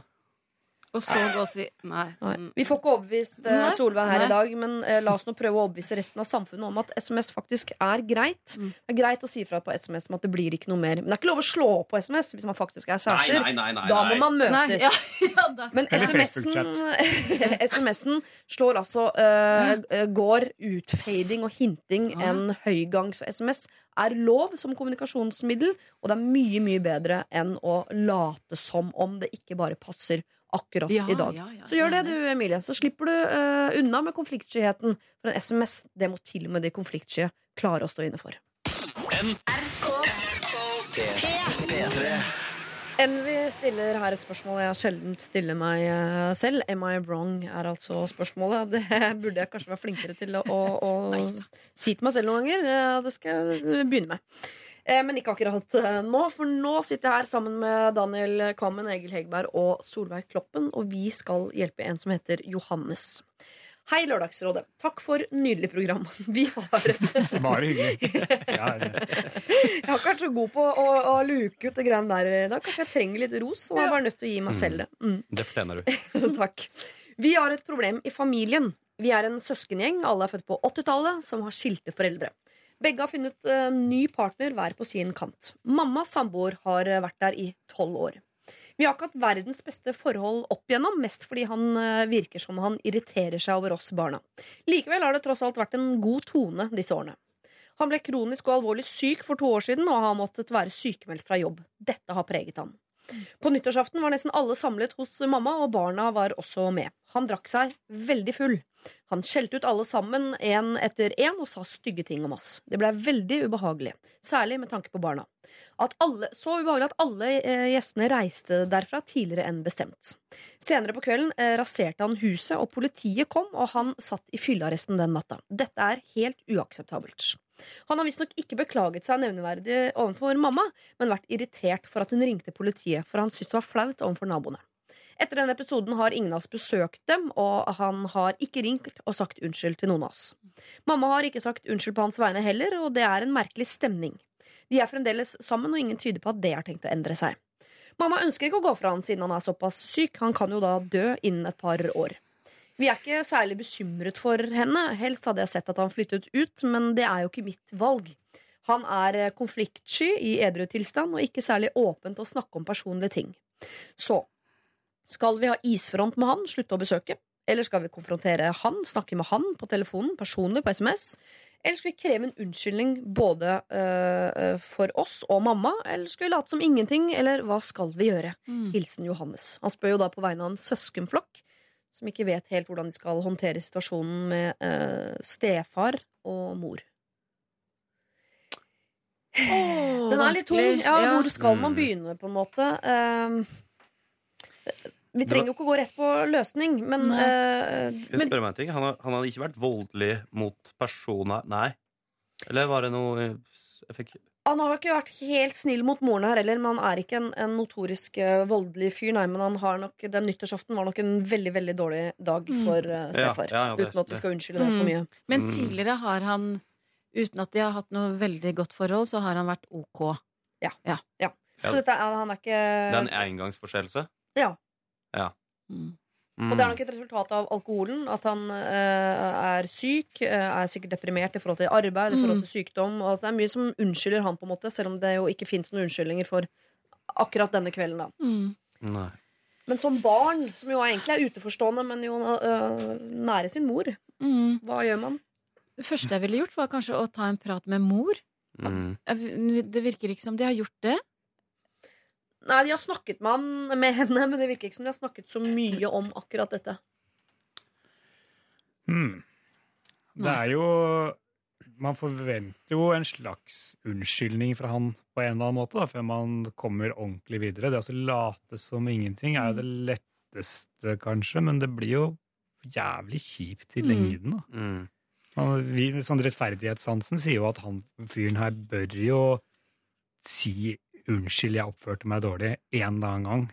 Mm. Ja, fordi, Mm. fordi hvis det er en engangsforseelse, så burde det vel eh, på en eller annen måte gå an å komme meg over det, sjøl om det er sjukt jævlig drøyt, det opplegget. Mm. Eh, men eh, folk eh, driter seg jo ut til, tider, eh, eh, også i så voldsomme former. Mm. Så lenge han liksom ikke er noen notorisk liksom, voldsmann eller noe sånt. Noe sånn, eh, Nei, det får jeg ikke inntrykk av at han er her, altså. Men det er jo vanskelig og irriterende å skulle be om en unnskyldning. Ja. Da. har liksom unnskyldningen bare der mistet noe av sin kraft, Mm. tenker jeg litt. Men må vi ikke bare innse uh, på et eller annet tidspunkt i livet at ikke alle er gode personer og greier å styre seg sjøl, og da på en eller annen måte prøve å være litt ekte unge Gandhi oppi dette og uh, svelge en kamel og møte problemer. Uavhengig om de liksom, eh, vil skvære opp med mor si, eller om det er, vil skvære opp med han òg, så, så tenker jeg sånn at eh, hvis de ikke får noe, så ville vel jeg trodd at eh, da, hvis de ikke får noe tilbake, så må de gå og oppsøke et eller annet. For, det er, for såpass, såpass langt virker det som de tenker. Ja, mor må det jo skvære opp med. Ja, for jeg tenker at det er jo det viktigste. Hva mor tenker rundt dette. Hvordan hun har det, og hva, hva hun For det, det mm, jeg- De vil De er ikke bekymra for henne, Nei. sier, han. Men det er jo en grunn til at man sier det. Ja. Mm. Mm. Så tenker jeg at de er nok eh, De vil jo hjelpe sin mor også, men samtidig Han har kanskje bare noen år igjen, så mor tenker at vi holder ut de siste to årene. Mm. Kan ikke hvis- gå fra han nå, på en måte. Han er dødssyk. Hvis hun er fast innstilt på det, hvis det liksom ikke er eh, et alternativ å få det til å forandre seg, så tenker jeg som så at uh, vi må på en eller annen måte uh, At de må på en eller annen måte respektere det. Uh, fordi det er ikke Det, det er dessverre slik uh, opp gjennom livet at vi kommer til å møte folk som ikke uh, bærer de samme verdiene som oss, og og det kommer til å være folk som er veldig glad i òg. og det er en del av det å bli voksen og innse Mm. det. Og da, hvis en på en eller annen måte ikke velger å kunne leve med folk en er uenig med, da blir en jo eh, Da havner en jo nærmere folk som eh, altså ekstreminister og sånn, for det er jo, ja, men det er jo, deg, det er jo samme Ja. retorikken som deg på en eller annen måte eh, fører, da. Og jeg tenker det at det er noe viktig i det å liksom kunne leve i sammen med folk som en er uenig med. Eh, så det er kanskje det første jeg burde liksom ta inn over seg. Iallfall mener jeg. i alle fall. Ja, men og, for jeg tenker at um, De er åpenbart glad i sin mor. Og gå til henne og si 'mamma, hør her, vi støtter deg uansett hva du, hvilket, hva, hva du velger'. Mm. Men vi vil gjerne høre hvordan du har det, og hva du tenker rundt dette. For det var jo en veldig, veldig vond og vanskelig kveld. Mm. De må jo ta den praten med henne. De har jo vært inne på det når de har, de, de har pratet med henne nok til at de har fått høre at han har vært dritforbanna etterpå fordi hun ringte politiet. da. Eh, det viser Ja. jo Det viser ja, for, jo det hadde jeg ikke fått med meg. Det viser jo at han har jo ikke så innmari bra karaktertrekk. Nei. Nei. Så han har også evne til selvrefleksjon og bli et bedre menneske.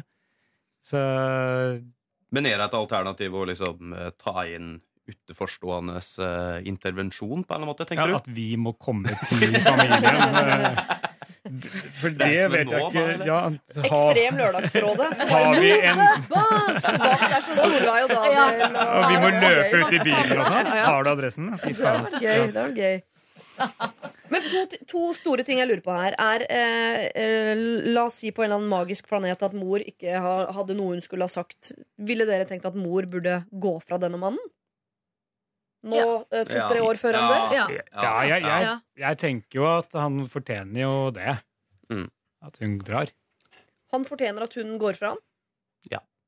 Altså Ja. stefar? Stefar, ja. Ja. Ja.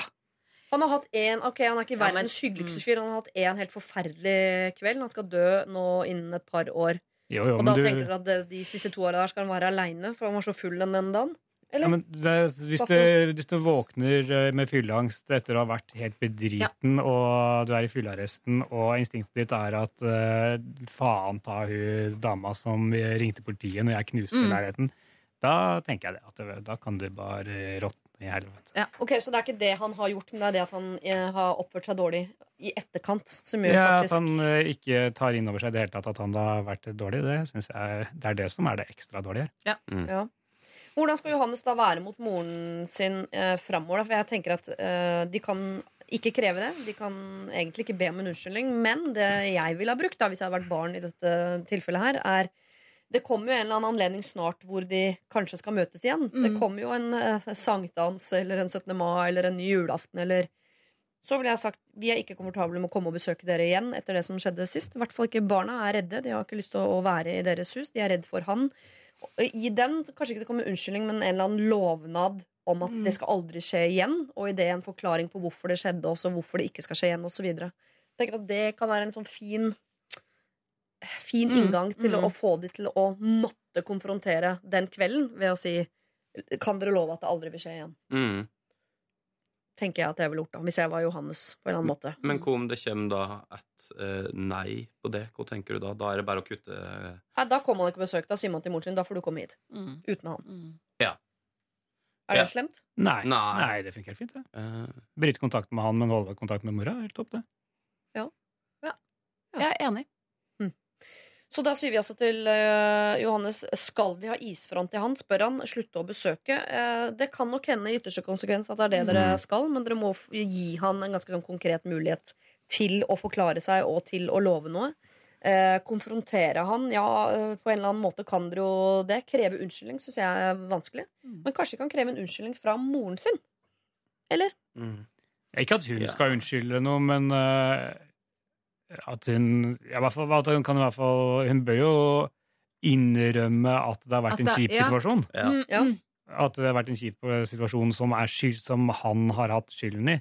At hun erkjenner det, på en måte. Og Ja. at hun eventuelt øh, sier at dette her var helt for jævlig kjipt, Mm. men jeg velger å være sammen med han fortsatt. Mm. Hun er jo flau, antagelig. Hun syns Ja. den kvelden var flau. Ja, ja. Hun syns er flaut at hun velger å bli hos han. Alt Ja, er flaut. ja. Men, men også tenker jeg også at eh, Som du sier, da eh, liksom kutte han i ytterste konsekvens og sånt. Og så bare tenke sånn Jeg ville bare latt døra være sånn bitte lett på glipp tilfelle han skulle komme rundt. Eh, Det kan jo hende at han er på eh, Vi har jo ikke noe, har ikke noe inntrykk av at han er en jævlig person eh, sånn hele tida. Kan jo hende at han er på sitt lågeste tidspunkt i, i hele livet, holdt jeg på å si. Ja. Og da Sinne kan jo uh, manifestere seg på veldig mange måter, og det kan jo vare lenge og sånn, så hvis han skulle liksom At han da liksom kutta han uh, helt til liksom han på en eller annen måte viser noe form for uh, Ja, altså Anger eller Anger, ja. ja, ja at det ja. ikke er liksom sånn helt sånn utelukka. For Mm. en må jo kanskje ta inn over seg at han Men- ha, ja, har det vanskelig. Ha, For han er helt alene. Han har ikke noe barn. Det vet vi ikke noe. Det står det ikke noe om. Nei. Jeg Nei. bare, det bare slår meg Ja. at svaret på det er ja likevel. Ja. Ja. Mm. Men siste spørsmål til Johannes, da, som er eh, skal vi late som ingenting, det tenker vi vel at Det er ikke er en spesielt idé. Mm. god idé. Det skal dere absolutt ikke ikke da gjøre. blir det Fordi, ikke så hyggelig sankthansfeiring. Uansett. og det er jo masse bekymring og masse kjærlighet her som, som, er helt, uh, som er bra, og som skal være der. Dere er jo glad i mammaen deres, bekymret for henne. Dere er glad i barna deres, bekymret for de.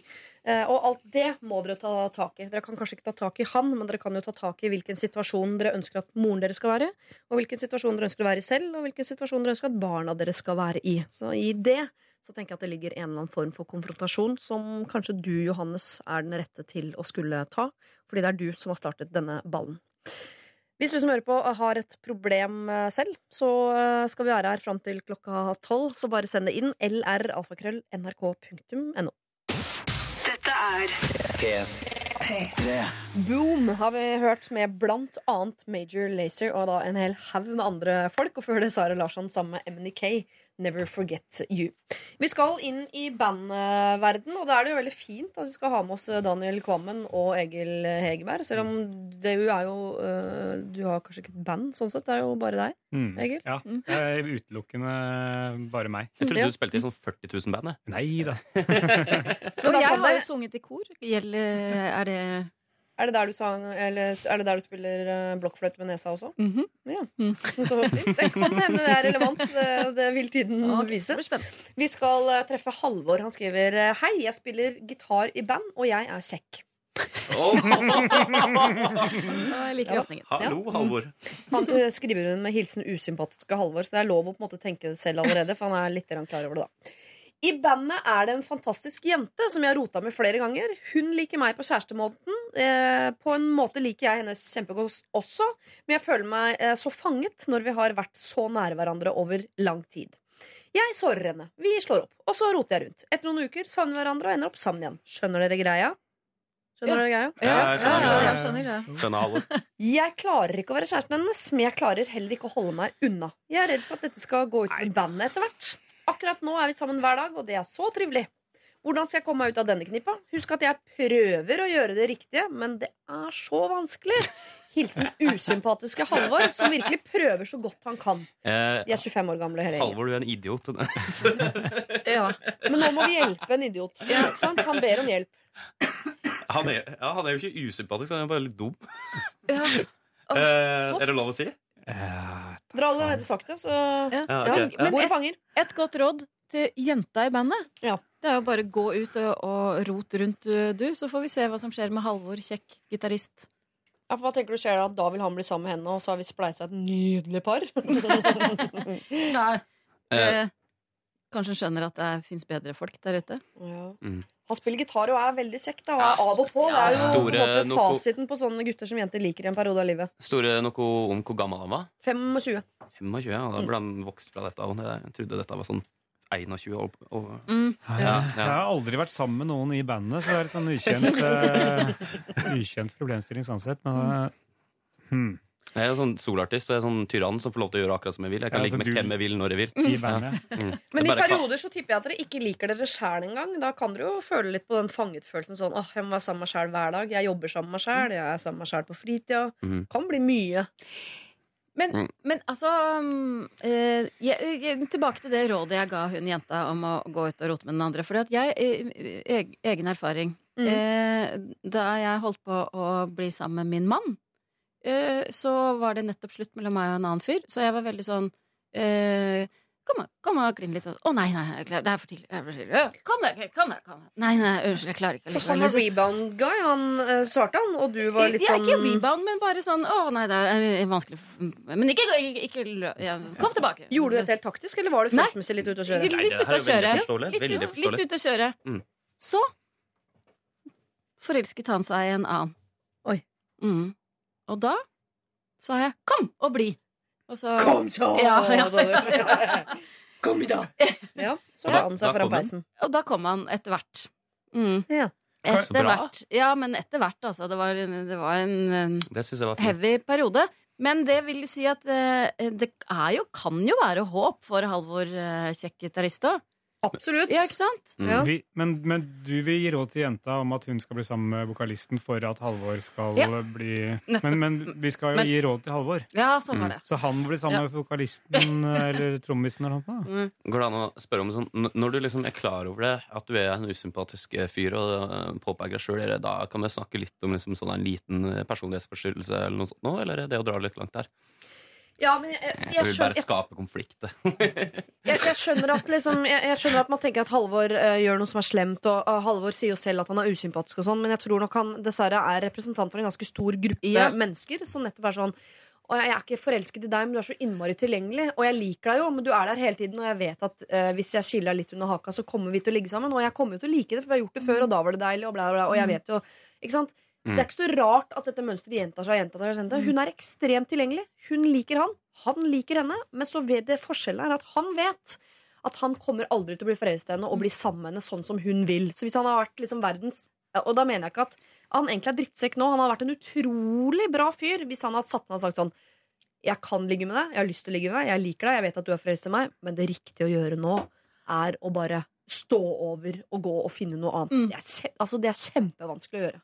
Det er veldig veldig vanskelig. Jo, men- Kjempeforståelig at usympatiske Halvor gang på gang harver over uh, flotte Fia, eller eh, hva, hva hun nå måtte hete. heter det. Skjønner kjempegodt det. Men, men du prater om den gruppa med mennesker da, som driver sånn, og det skjønner jeg veldig godt. Uh, altså, jeg kan være en del av de folka sjøl, men altså, det er jo bare så enkelt som dette at når han veit at hun legger mye mer i det enn han, Ja. så er det, da er du en idiot, holdt jeg på å si, hvis Det du fortsetter å gjøre det. Mm. Eh, og det er ikke meninga. Jeg skjønner at jeg skal hjelpe det Halvor, er det det?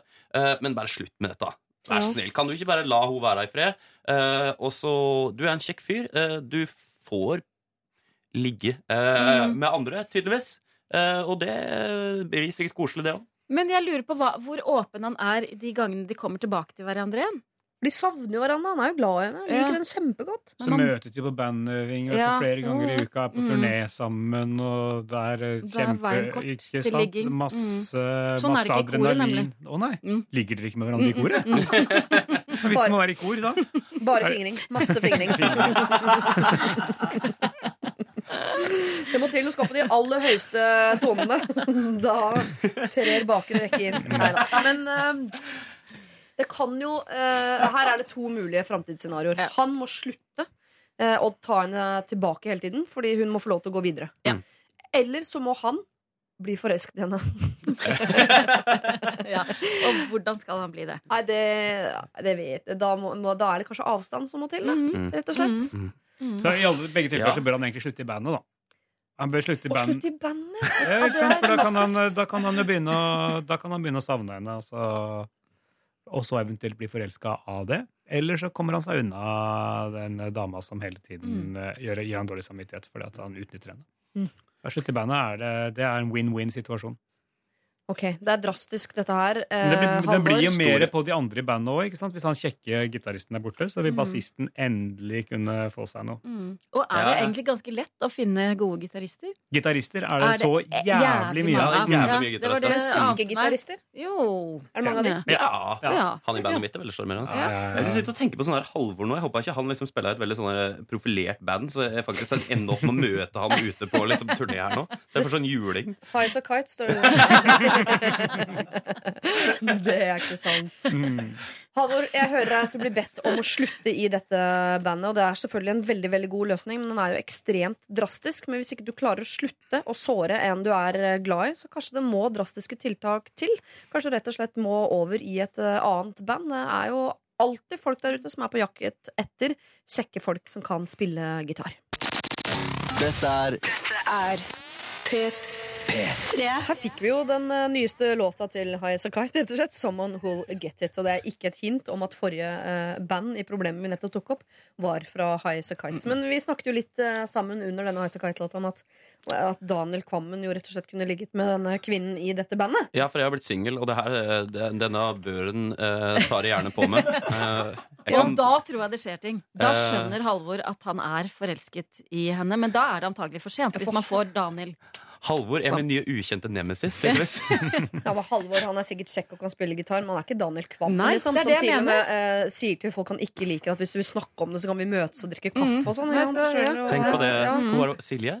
Nei. Nei, vi fikk aldri navnet på uh, kvinnen i Nei, bandet. ok. Ja. Nei, men det er Fia hvert fall da Men det kan hende hun sier det etter at du har ligget med henne. Hvem vet? Hvis du er heldig. Ok, Nå skal vi til en som heter eh, Stine, som skriver Hei, fantastiske Lørdagsrådet.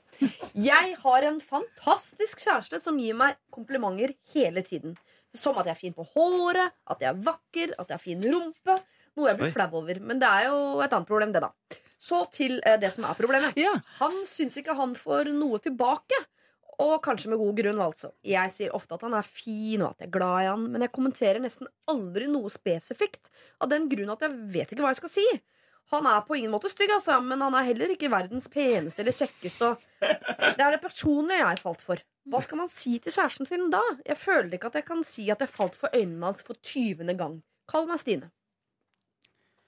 Hei, Skjønner Stine. Ja. Mm. Hun får masse komplimenter. Hva skal hun si tilbake til denne uh, fyren? Så flink du er til å gi komplimenter. Ja, det er et Mm, kompliment. Det er et kompliment. Ja. Ja. Mm. Nei, her er det bare å ljuge, er det ikke? Jeg tenker du at ljuging er lov her? Ja, ja, ja. Herregud. Hun er glad i en, liksom. Det her er jo bare å si sånn eh, Nei, herregud, se, har du trent, eller? Wow. Ja. Du, Jeg tenker, men Kan hun ikke gi han komplimenter for det hun virkelig liker eh, ved han, da? Hvis det er, altså, jeg går bare konkret men altså, Ja. Personligheten er jo litt vag. Så fin personlighet du har i dag. Da. Ja. Min. Så, så hun må jo være, hun må jo klare å tenke seg Ja. til hvilke sider ved, ved personligheten Jeg liker så godt at du er så omsorgsfull. Ja. Uh, Jo, men skjønn, ja, ja, Det er veldig veldig bra, men Ja. til og med det også tenker jeg litt når han sier sånn Å, du er så deilig rumpe, ass. Ja. Du er innmari hyggelig. ah, okay, greit. Men ok, okay hvor med dette? Altså, for det er en ganske vulgær ting å drive og gå og si. Går det ikke an da å liksom bare sånn eh, da det litt sånn Hei, du, kom igjen, da. Dette driver vi ikke med. Vær litt mer smakfull. Jeg liker øynene dine, liksom. Ja, men hun liker jo å få, få ros for rumpa. Ja, gjør det. Ja, synes, eh, Og du mener at hun skal, uh, istedenfor å gi han komplimenter, så skal hun disse komplimentene hans for å få slutt på komplimenter overhodet i forholdet? Det, er Det var gå? kanskje ikke så jævlig smart. det. det er feil vei å gå i et forhold, tenker jeg. Uh, ja, ok. Um, kanskje det er grunnen liker til at jeg er bedre, singel. ja, men da liker jeg bedre første forslaget ditt, som er ljuging. Ja. Er dere skeptiske til ljuging når det kommer til eh, komplimenter, eh, Egil og eh, Solveig? Ja, egentlig så er jeg det. Men, Hvorfor det? For det er så lett å avsløre. Jeg er ikke prinsipiell motstander av det, men jeg syns det, er det er litt vanskelig å komme med dem, kanskje. Men eh, jeg synes man, hvis, man Ja, okay. klarer, hvis man klarer å levere dem, så er det jo bare å kjøre hun- på. Tror ikke hun klarer det. Nei. Nei. Det er jeg faktisk enig i. Sorry. At det, det er jo liksom det å si sånn Herregud, eh, du har så store biceps, liksom, når han ikke har det. Det, ja. det, det funka jo ikke. Jeg kaller jo min mann for uh, Mr. Fox i Follo, uh, og sier til han ganske ofte at han har uh, Norges deiligste rumpe.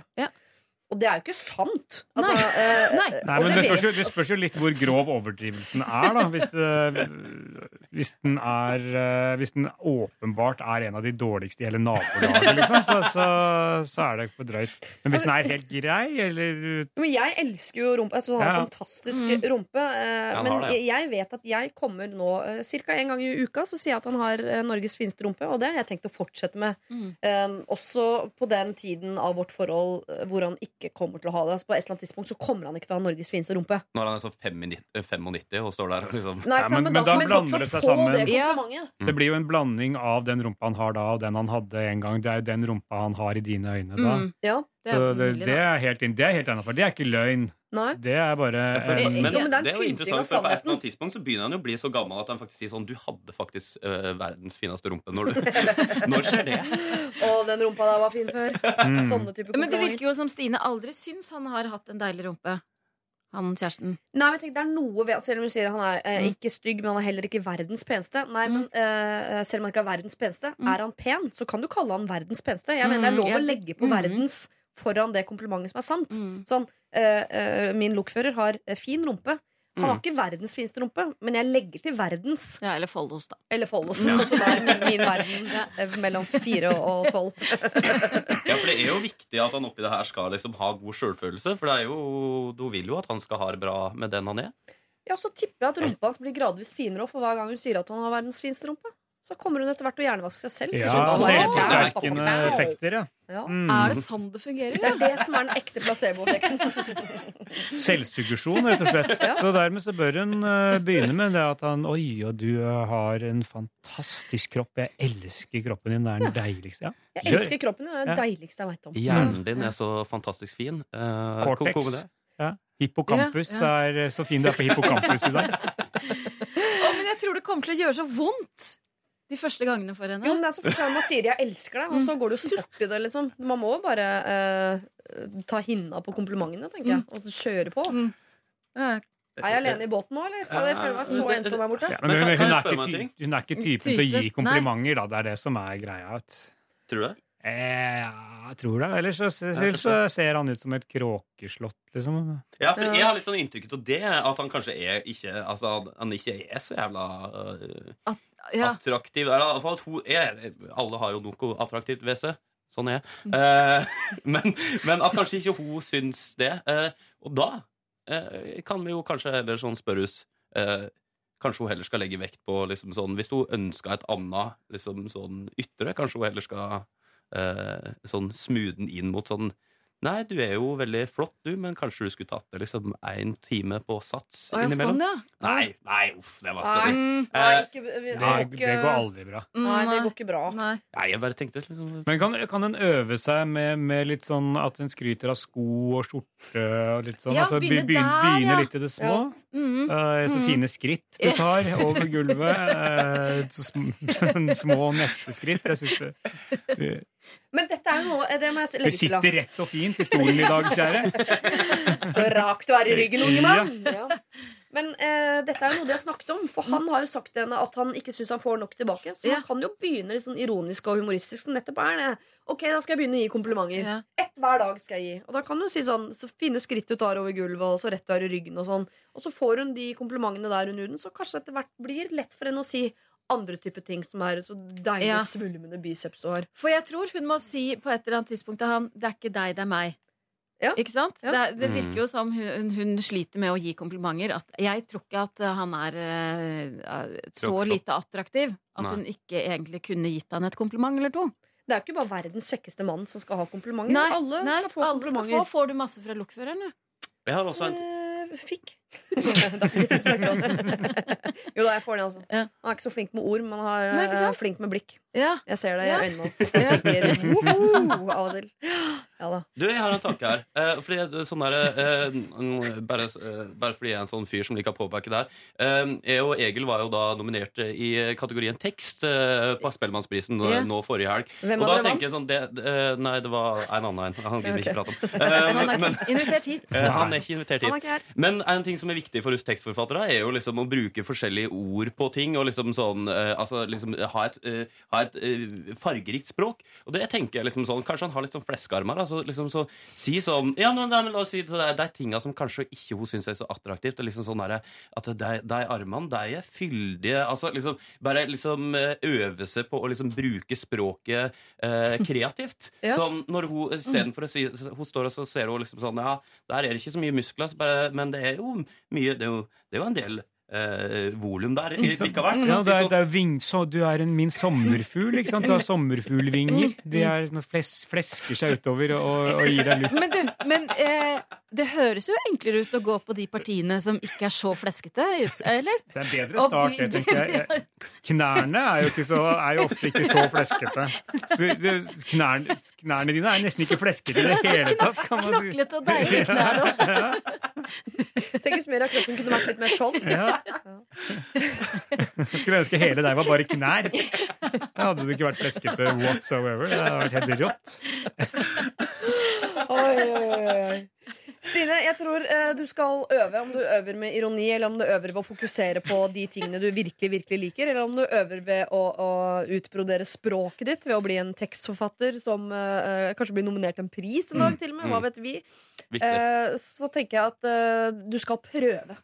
Det er ingen det faller egentlig naturlig for, og for oss det ikke faller naturlig for, så må vi ljuge litt, øve litt. Utbrodere språket litt, finne på noen nye o- ord osv. Eller fokusere på de tingene du virkelig, Eller gjøre det virkelig med liker. blikket, da. Eller gjøre det med blikket. Mm. Som jo også kan, Hvis du kler an med blikket, så kan det også være ganske effektivt, eh, rett og slett.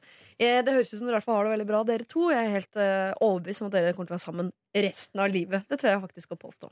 Vi skal straks dele ut en kopp, eh, folkens, eh, men eh, først så skal vi innom Ellie Golding. Dette er Dette er P3. Ellie Golding her med 'Something In The Way You Move'. Og Ellie Golding er jo norgesaktuell på en litt spesiell måte om dagen. folkens Hun blir jo saksøkt av Vang kommune eller noe sånt. Norges uvenn. Norgesuvenn er hun i ferd med å bli. For hun gikk gjennom isen med en beltebil i januar. Og har ikke råd til å kjøre med beltebil på det vannet. Så nå ligger den beltebilen og forurenser det, eh, det lille innsjøen der oppe. Det er Ellie Golding som feil. Sånn surner eller Golding. Kanskje ikke vi komme hit og ha konsert i mars. Men, skal, og så videre. Men de kan spille henne fortsatt her på kanalen, ja. På Ja, ja. radio spiller vi fortsatt. Uh, Inntil videre. Inntil videre ja. Hun vet ikke om det. Mm. Nei, nei, det vet hun ikke. Og det føles ikke som forurensning på samme måte som en beltebil på, på bånn av en innsjø. Vi hørte også Kygo, forresten, men det regner med at de fleste har fått med seg.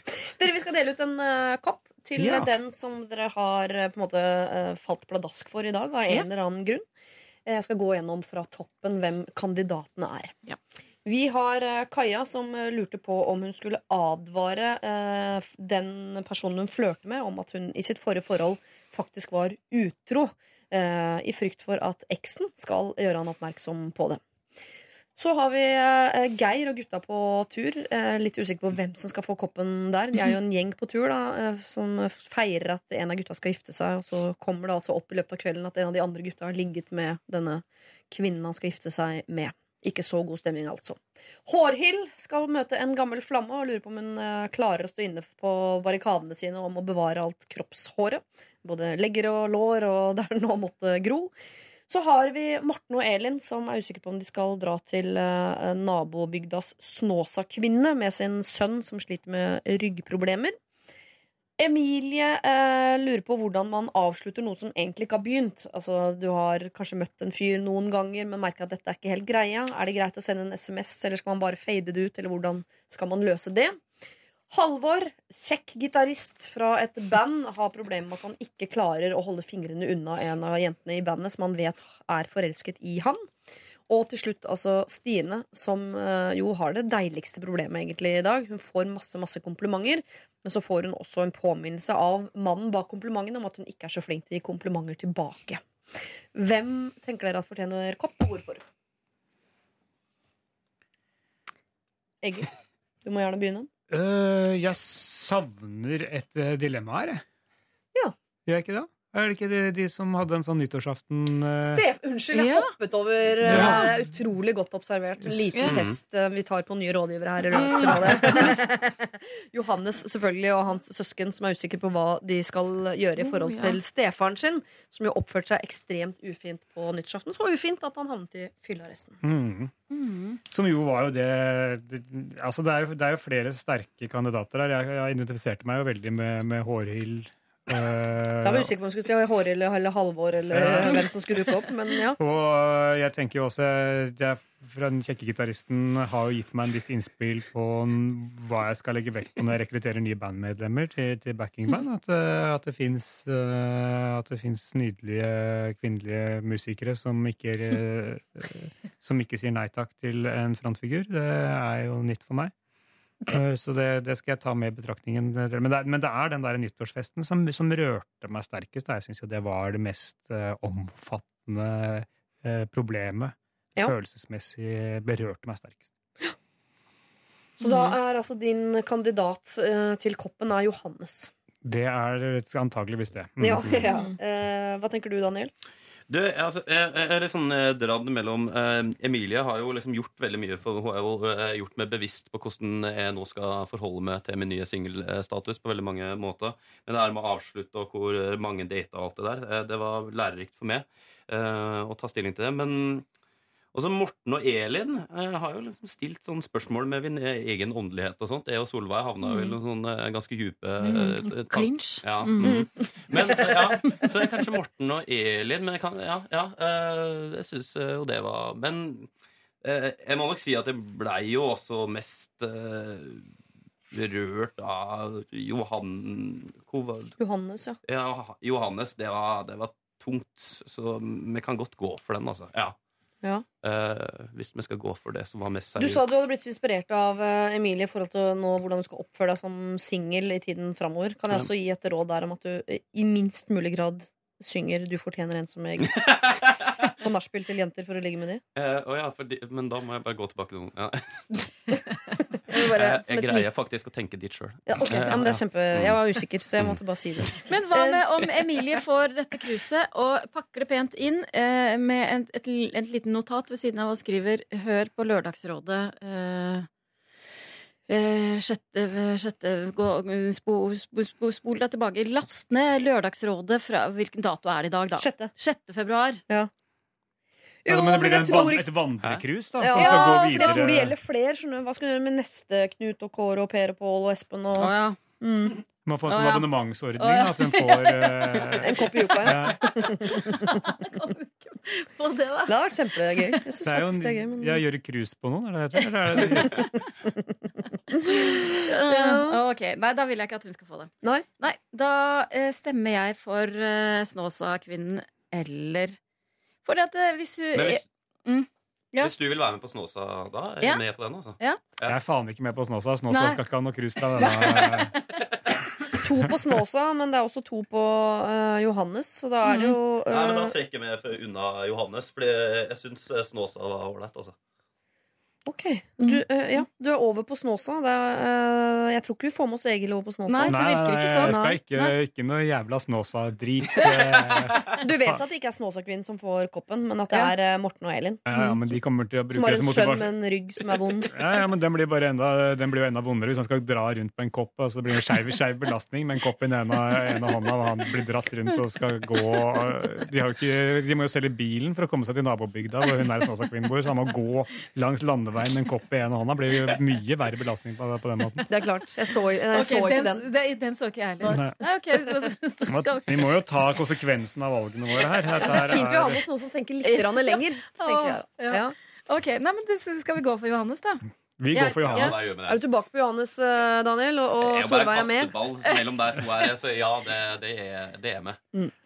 Johannes, du har nok den vanskeligste jobben å gjøre her, oh, ja. eh, så det er, føles helt riktig å skulle sende en kopp til eh, deg. Og jeg er også tilbøyelig til å sende kopp til dine søsken, hvis du forteller meg hvor mange av dem er. Med mindre det er 100 stykker, da. Da blir det vanskelig. Men tipper det er en to til fire. da blir det altså kopper til eh, dere, som en fattig trøst. Tusen takk for at dere kunne være rådgivere i dag. Daniel Kvammen, Egil Hegerberg og Solveig Kloppen. Eh, håper vi ses igjen snart. Enig. Enig. Takk for oss. Bare For dere. NRK NRK P3.